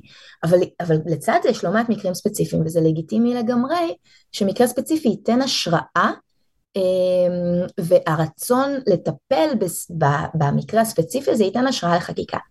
השאלה הקריטית היא, האם בסופו של דבר החקיקה אה, גם בפועל חלה על אדם ספציפי. מיטיבה או מרעה עם אדם ספציפי. שזה משהו שהרבה חקיקות אה, פרסונליות ככה פשוט פותרים את העניין הזה, אומרים אין בעיה עם החוק הזה, אבל החל מהכנסת הבאה, או החל מהמאורע הבא, ואז אין בעיה. אם אתם באמת שזה... לא רק רוצים לפתור את העניין הפרסונלי, אז הכל טוב, תחוקקו את זה, וזה נכון, החל מהבן אדם הבא. זה מה שבית המשפט אומר בסופו של דבר בפרשת הנבצרות. אבל אחת מהנקודות היפות ששופטי המיעוט מעלים, וגם שופטי הרוב מודעים אליהם, זה שגם זה במובן מסוים לא מספיק, כי בישראל יש לא מעט דברי חקיקה פרסונליים, שלא, אף אחד לא ביקש להכיל אותם מהכנסת הבאה או מהאירוע הבא. אה, דברי חקיקה שנועדו על מנת לפתור את הבעיה של חברה ספציפית שנקלעה למשבר גדול, אה, והמדינה ראתה את זה בתור אתגר לאומי, יש, יש חברות כאלה, בסדר? אה, בתעשיות ביטחוניות או בתעשיות מסוימות ש, שרוצים לפתור את עניינן ולפעמים עושים חקיקה שהיא רלוונטית רק אליהן, או למשל החוק של החנינה בעבירות שנעשו במהלך ההתנתקות. היי, יש חוק עם מאפיינים פרסונליים, לקחו סט מסוים של אנשים ידועים והחליטו לחנון אותם. הייתה עתירה שהוגשה נגד זה לבית המשפט העליון, בית המשפט העליון דחה אותה. אה, כלומר, לא כל הפרה של פרסונליות הופכת להיות עילה לביטול של דבר חקיקה. מה בעצם קרה שם? אה, שם תמיד הנחתי שזה איזושהי פנקסנות של בית המשפט מבין שיש פה חלק בעם שחטף זפטה איומה ונוראית.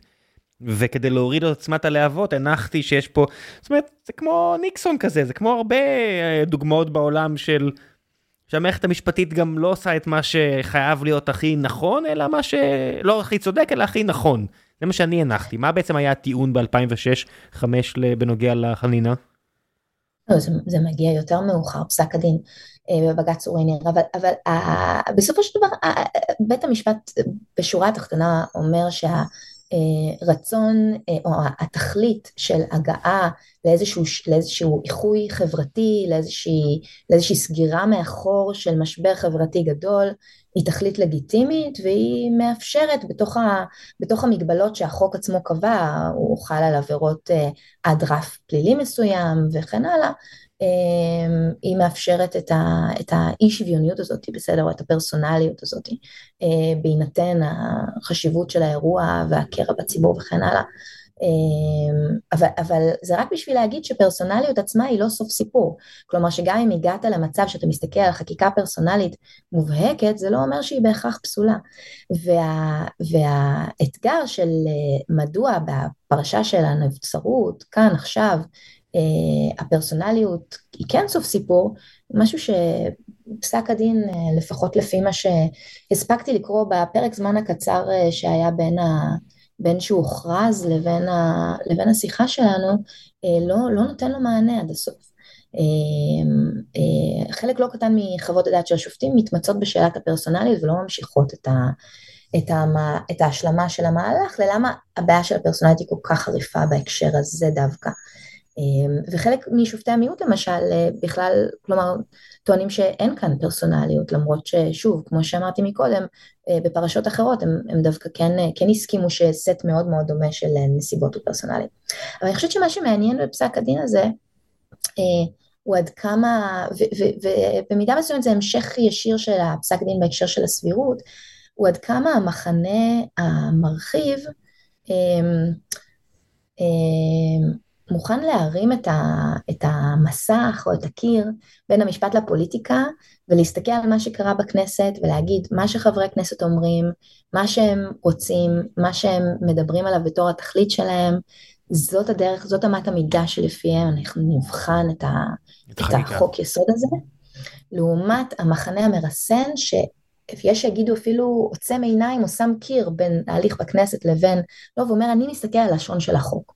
אני מסתכל על הלשון של החוק, אני, אני, אם החוק הזה הוא לא באמת תפור לבן אדם אחד והוא יכול להיות תאורטית מוכל בעתיד על אחרים, אז גם אם הוא עכשיו, אה, גם אם הייתה יוזמה לעשות אותו בשביל בן אדם אחד וגם אם כרגע הוא חל רק על בן אדם אחד, אני שמה את הדבר הזה בחוץ. אה, ובמובן הזה, כלומר שני המכונות, המכונות בעצם יש להם גישה שונה לגבי איך בית משפט, איך, איך בית משפט אמור להסתכל על הפוליטיקה ועל ההליך הפוליטי. האם בצורה יותר ריאליסטית, אה, בצורה שמסתכלת על הפוליטיקה ואומרת אה, אנחנו לוקחים אותה כפי שהיא במטבע שלה והופכים את זה לחלק מההנמקה שלנו, או שאנחנו מנסים לשים קיר בין הפוליטיקה לבין המשפט, להסתכל על לשון החוק, לא על מה שהפוליטיקאים דיברו, אלא על מה שהם יצרו, כאילו שזה יצור מנותק, אה, ועל סמך זה אנחנו, על סמך זה אנחנו שופטים. מה את חושבת שיהיה עם זה? עם הנבצרות? כן.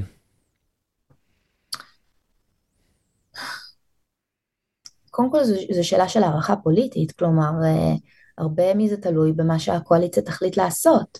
אה, הקואליציה יכולה, וקואליציות, ממשלות עשו את זה בעבר, להגיב לפסיקה של בית המשפט באמצעות אה, של חיקוק מחדש של הסדר שהוא הסדר קצת שונה, ולנסות להתעקש או להגיע לאיזשהו, לאיזשהו standoff כזה מול בית המשפט. ובמובן מסוים אם הקואליציה תחליט לעשות את זה עכשיו אז משהו אחד משמעותי לפחות כבר השתנה, כלומר אה, יש אה, שתי שופטות שכבר לא מכהנות בבית המשפט העליון אה, והם היו חלק מדעת הרוב. אפרופו מה שדיברנו עליו מקודם, על השינויים האלה וכמה ההחלטה הזאת היא החלטה בעצם על חודו של קול. הם יכולים גם לחכות לוועדה למינוי שופטים. הם יכולים, למרות שכרגע לא נראה שהשר לוין מתכוון או לכנס אותה, או שאם הוא מכנס אותה שהיא תעשה משהו. לא, כן? אני, רק, אני רק אומר, זה הם, זאת אומרת, זה הוא. הוא חלק מג'ורי מהקואליציה, הוא אישיות בכירה במפל... במפלגה הכי גדולה בקואליציה, הוא תמיד יכול לה... להחליט, היי, אני לא אריב עם בית המשפט העליון במתכונת הזו, אני אכנס את הוועדה, נבחר שניים, נעשה, נלך שוב לחקיקה, לבדיקה.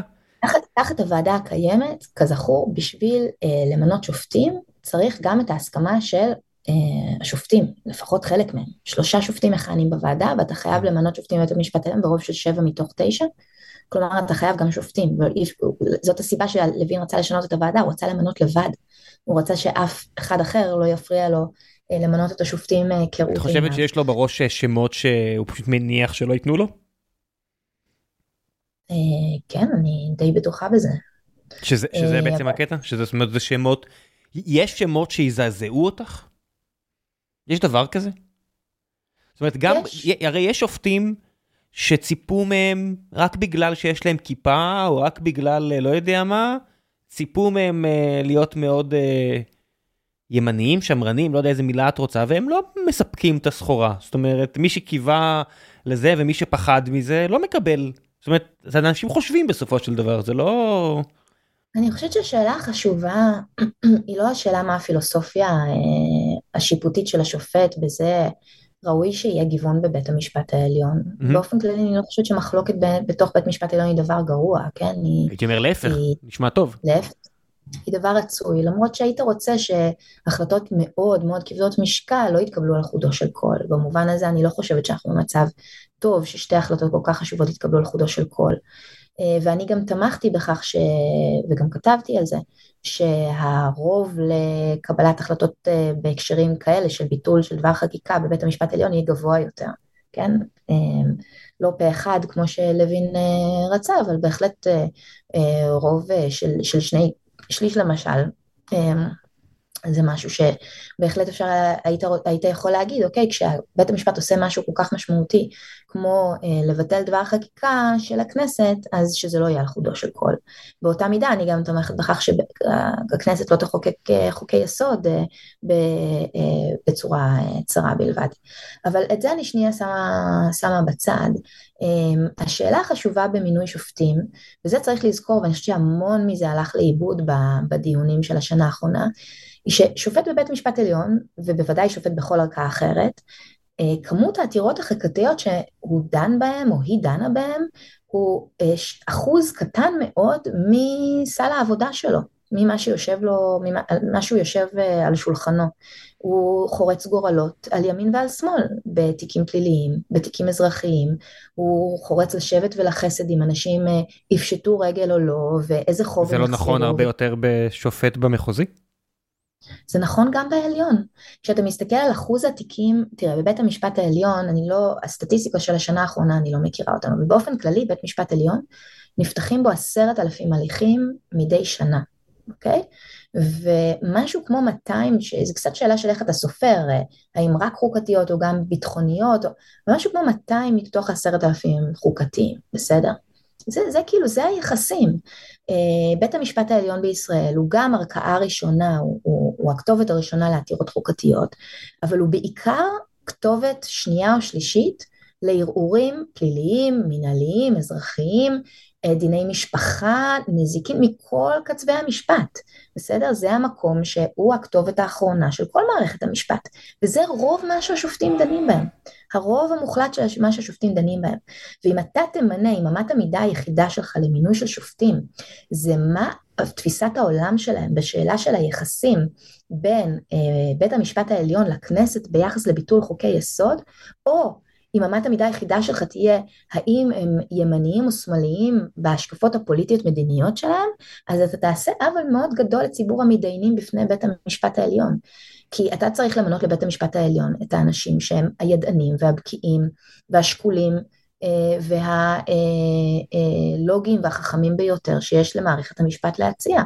אה, וזה בהכרח דורש ניסיון, וזה דורש מומחיות בכל תחומי מערכת המשפט, ואם אתה תמנה אנשים שהם לצורך מבינים אך ורק בתחום משפטי אחד, אה, ואין להם, להם ניסיון ושפשוף רחב ו- ו- ו- וניסיון רחב בתחומי משפט שונים ובקיאות, אז אתה תעשה עוול מאוד מאוד גדול לכל מי שידון בפניהם עניינו. היית רוצה לראות קריטריונים לבית המשפט העליון? זאת אומרת שיהיה בהכרח ארבעה אנשים שהיו פרופסורים באקדמיה, שלושה אנשים שהיו אה, עורכות דין בחירות, או לחילופין אה, את הגרסה האמריקאית של השימועים הפומביים האלה אה, לכל שופט עליון, לכל שופטת עליון. זה, זה מה שהיית רוצה לראות בישראל?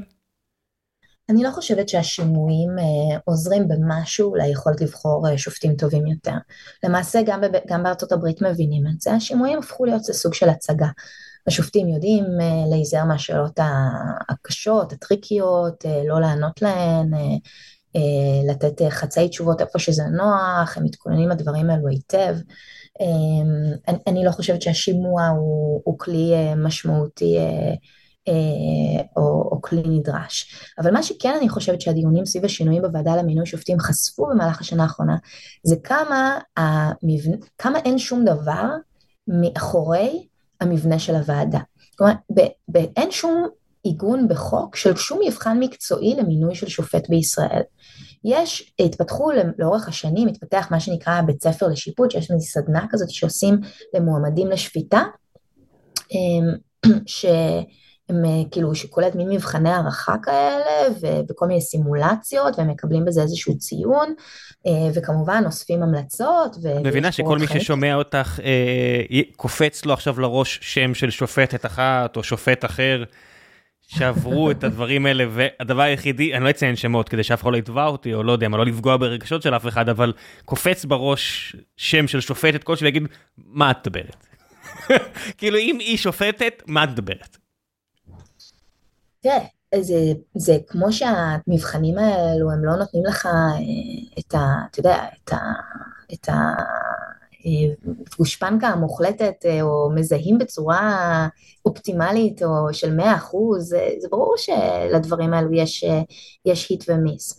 אבל מה שאני רוצה להגיד הוא, הוא, הוא מעבר לזה אפילו, כלומר גם הדבר הזה לא מעוגן. התנאים שהם מעוגנים בחקיקה הם תנאים אה, ש, ש, שאין שום סטנדרט של מקצועיות או מומחיות שעומד מאחוריהם. בגדול, כל אדם שעבר את uh, מבחני לשכת עורכי הדין לפני איקס שנים, זה איקס קטן יותר עבור בית משפט שלום ואיקס גדול יותר עבור בית משפט עליון, עשר שנים uh, עבור העליון, אבל זהו, אוקיי? עשר שנים, להיות עורך דין עשר שנים, מספיק בשביל שאתה תוכל להיות מועמד, מועמד לבית משפט עליון. Um, אין כאן שום דרישה נוספת של מומחיות, של מקצועיות, של ניסיון, של משהו. בעצם הכל הכל נשען על המבנה הזה, על האיזון הפנימי בתוך הוועדה למינוי שופטים, בין הכוחות המקצועיים לכוחות הפוליטיים. ואז מתברר שברגע שבעצם, כלומר, אם, אם רק על זה זה נשען, אה, ואני בכלל לא אומרת שזה בהכרח הסדר מספק או מספיק טוב, אז אתה מבין שיש כל כך הרבה שאתה כאילו צריך לעשות אם אתה רוצה להגן ולבסס את זה, בטח ובטח אם המבנה של, של הוועדה משתנה ש, שיש כאן חור מאוד גדול ש, שאפשר וצריך לטפל בו. אמ, אבל אתה יודע, זה די קשה גם להגדיר, כלומר אתה לא רוצה לייצר קטגוריות צרות מדי. אני לא חושבת למשל שפרופסורים למשפטים הם בהכרח מועמדים אה, ראויים יותר, מאוד יכול להיות שפחות מאשר עורכי דין שבמשך עשרות שנים מייצגים בפני בית משפט ומכירים אותו ממש טוב, את הפרוצדורות ואת הדיונים ואת yeah, השטיקים חייב לשאול את זה, יש, אה, יש לזה אח ורע לחלק של... אה... עורכי הדין בבחירת שופטים כמו בישראל בעולם? בטח, okay. אוקיי. זה מאוד נפוץ. הבנתי, כן, בטח. Okay. אוקיי. וזה, אה, וזה גם ארגונים כמו ש, שעורכי דין הולכים לבחירות וכאלה כמו בארץ? כן, כן, בר. Okay. אה, זה השם בדרך כלל באנגלית, כן, של לשכות עורכי הדין, mm-hmm. ובמדינות המשפט המקובל, שאנחנו, הזכרתי את המושג הזה לפני כן, אני יודעת שהוא לא אומר שום דבר לאף אחד, אבל ה-common law systems, מדינות כמו אוסטרליה וקנדה. אני חושב שתתפלאי, אחרי השנה הזאת ההבדלים בין הקונטיננטלי ל-common law והכל, דברים שלא יודע, אנשים אוקיי, כמוני לא ידעו אף פעם לפני 2023, פתאום אנשים יודעים יותר.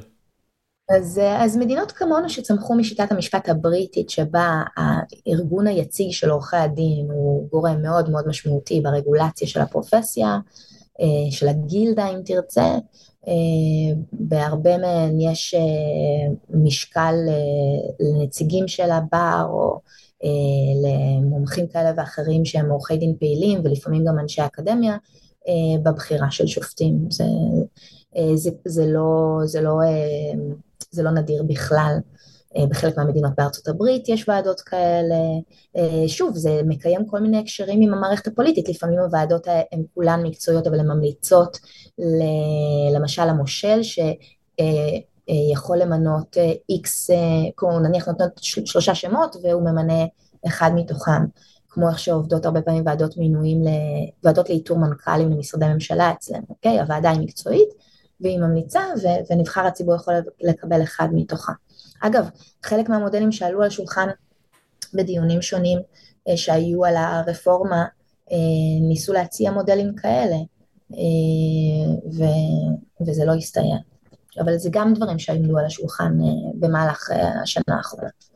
כן, השאלה גם אם מה שלא יבחרו, איך גם מגוננים על הדבר, זאת אומרת, איך לא, איך, איך כל בחירה תהיה יציבה לאיקס שנים, זאת אומרת, לא יכול להיות גם שהדבר הזה גם ישתנה כל כך הרבה, זאת אומרת, בסופו של דבר, חוקי המשחק לא יכולים להשתנות כל שני וחמישי. אבל אז, אבל אז הצד המשלים של זה, זה שאתה אומר, אוקיי, בשביל לעשות שינויים בהסדר משטרי בסיסי, אתה עושה את זה בחוק יסוד ואתה שם מגבלות על הדרך שבה אפשר לשנות חוק יסוד, הסכמה רחבה, פרוצדורה מסוימת, אשרור במשאל עם, כל הדברים האלו שדיברנו עליהם מקודם הם דרכים להבטיח שהשינוי הזה יהיה יותר יציב מהחקיקה הרגילה שאתה עושה. ולשמר דינמיות בחקיקה זה כמובן דבר מאוד חשוב.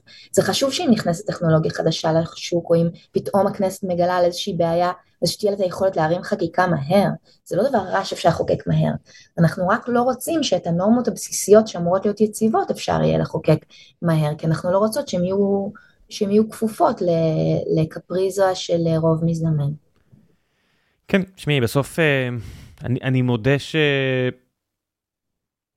אני לא, זאת אומרת, אולי, אולי זה בגלל הדעות הפוליטיות שלי, אולי זה בגלל סתם אה, שאני, אני, הראש שלי במקומות אחרים, אבל אני לא חושב שהדמוקרטיה היום מתה. מצד שני, יש הרבה מאוד אנשים שמסיימים את השבוע הזה, למרות שזה חלק משלושה חודשים נוראים של מלחמה, ומרגישים שגנבו להם את המדינה, מרגישים שלקחו להם את הדמוקרטיה, ואני מסתכל על זה ואתה אומר, איך, כאילו, איך אפשר לגשר על, על התחושה הזאתי?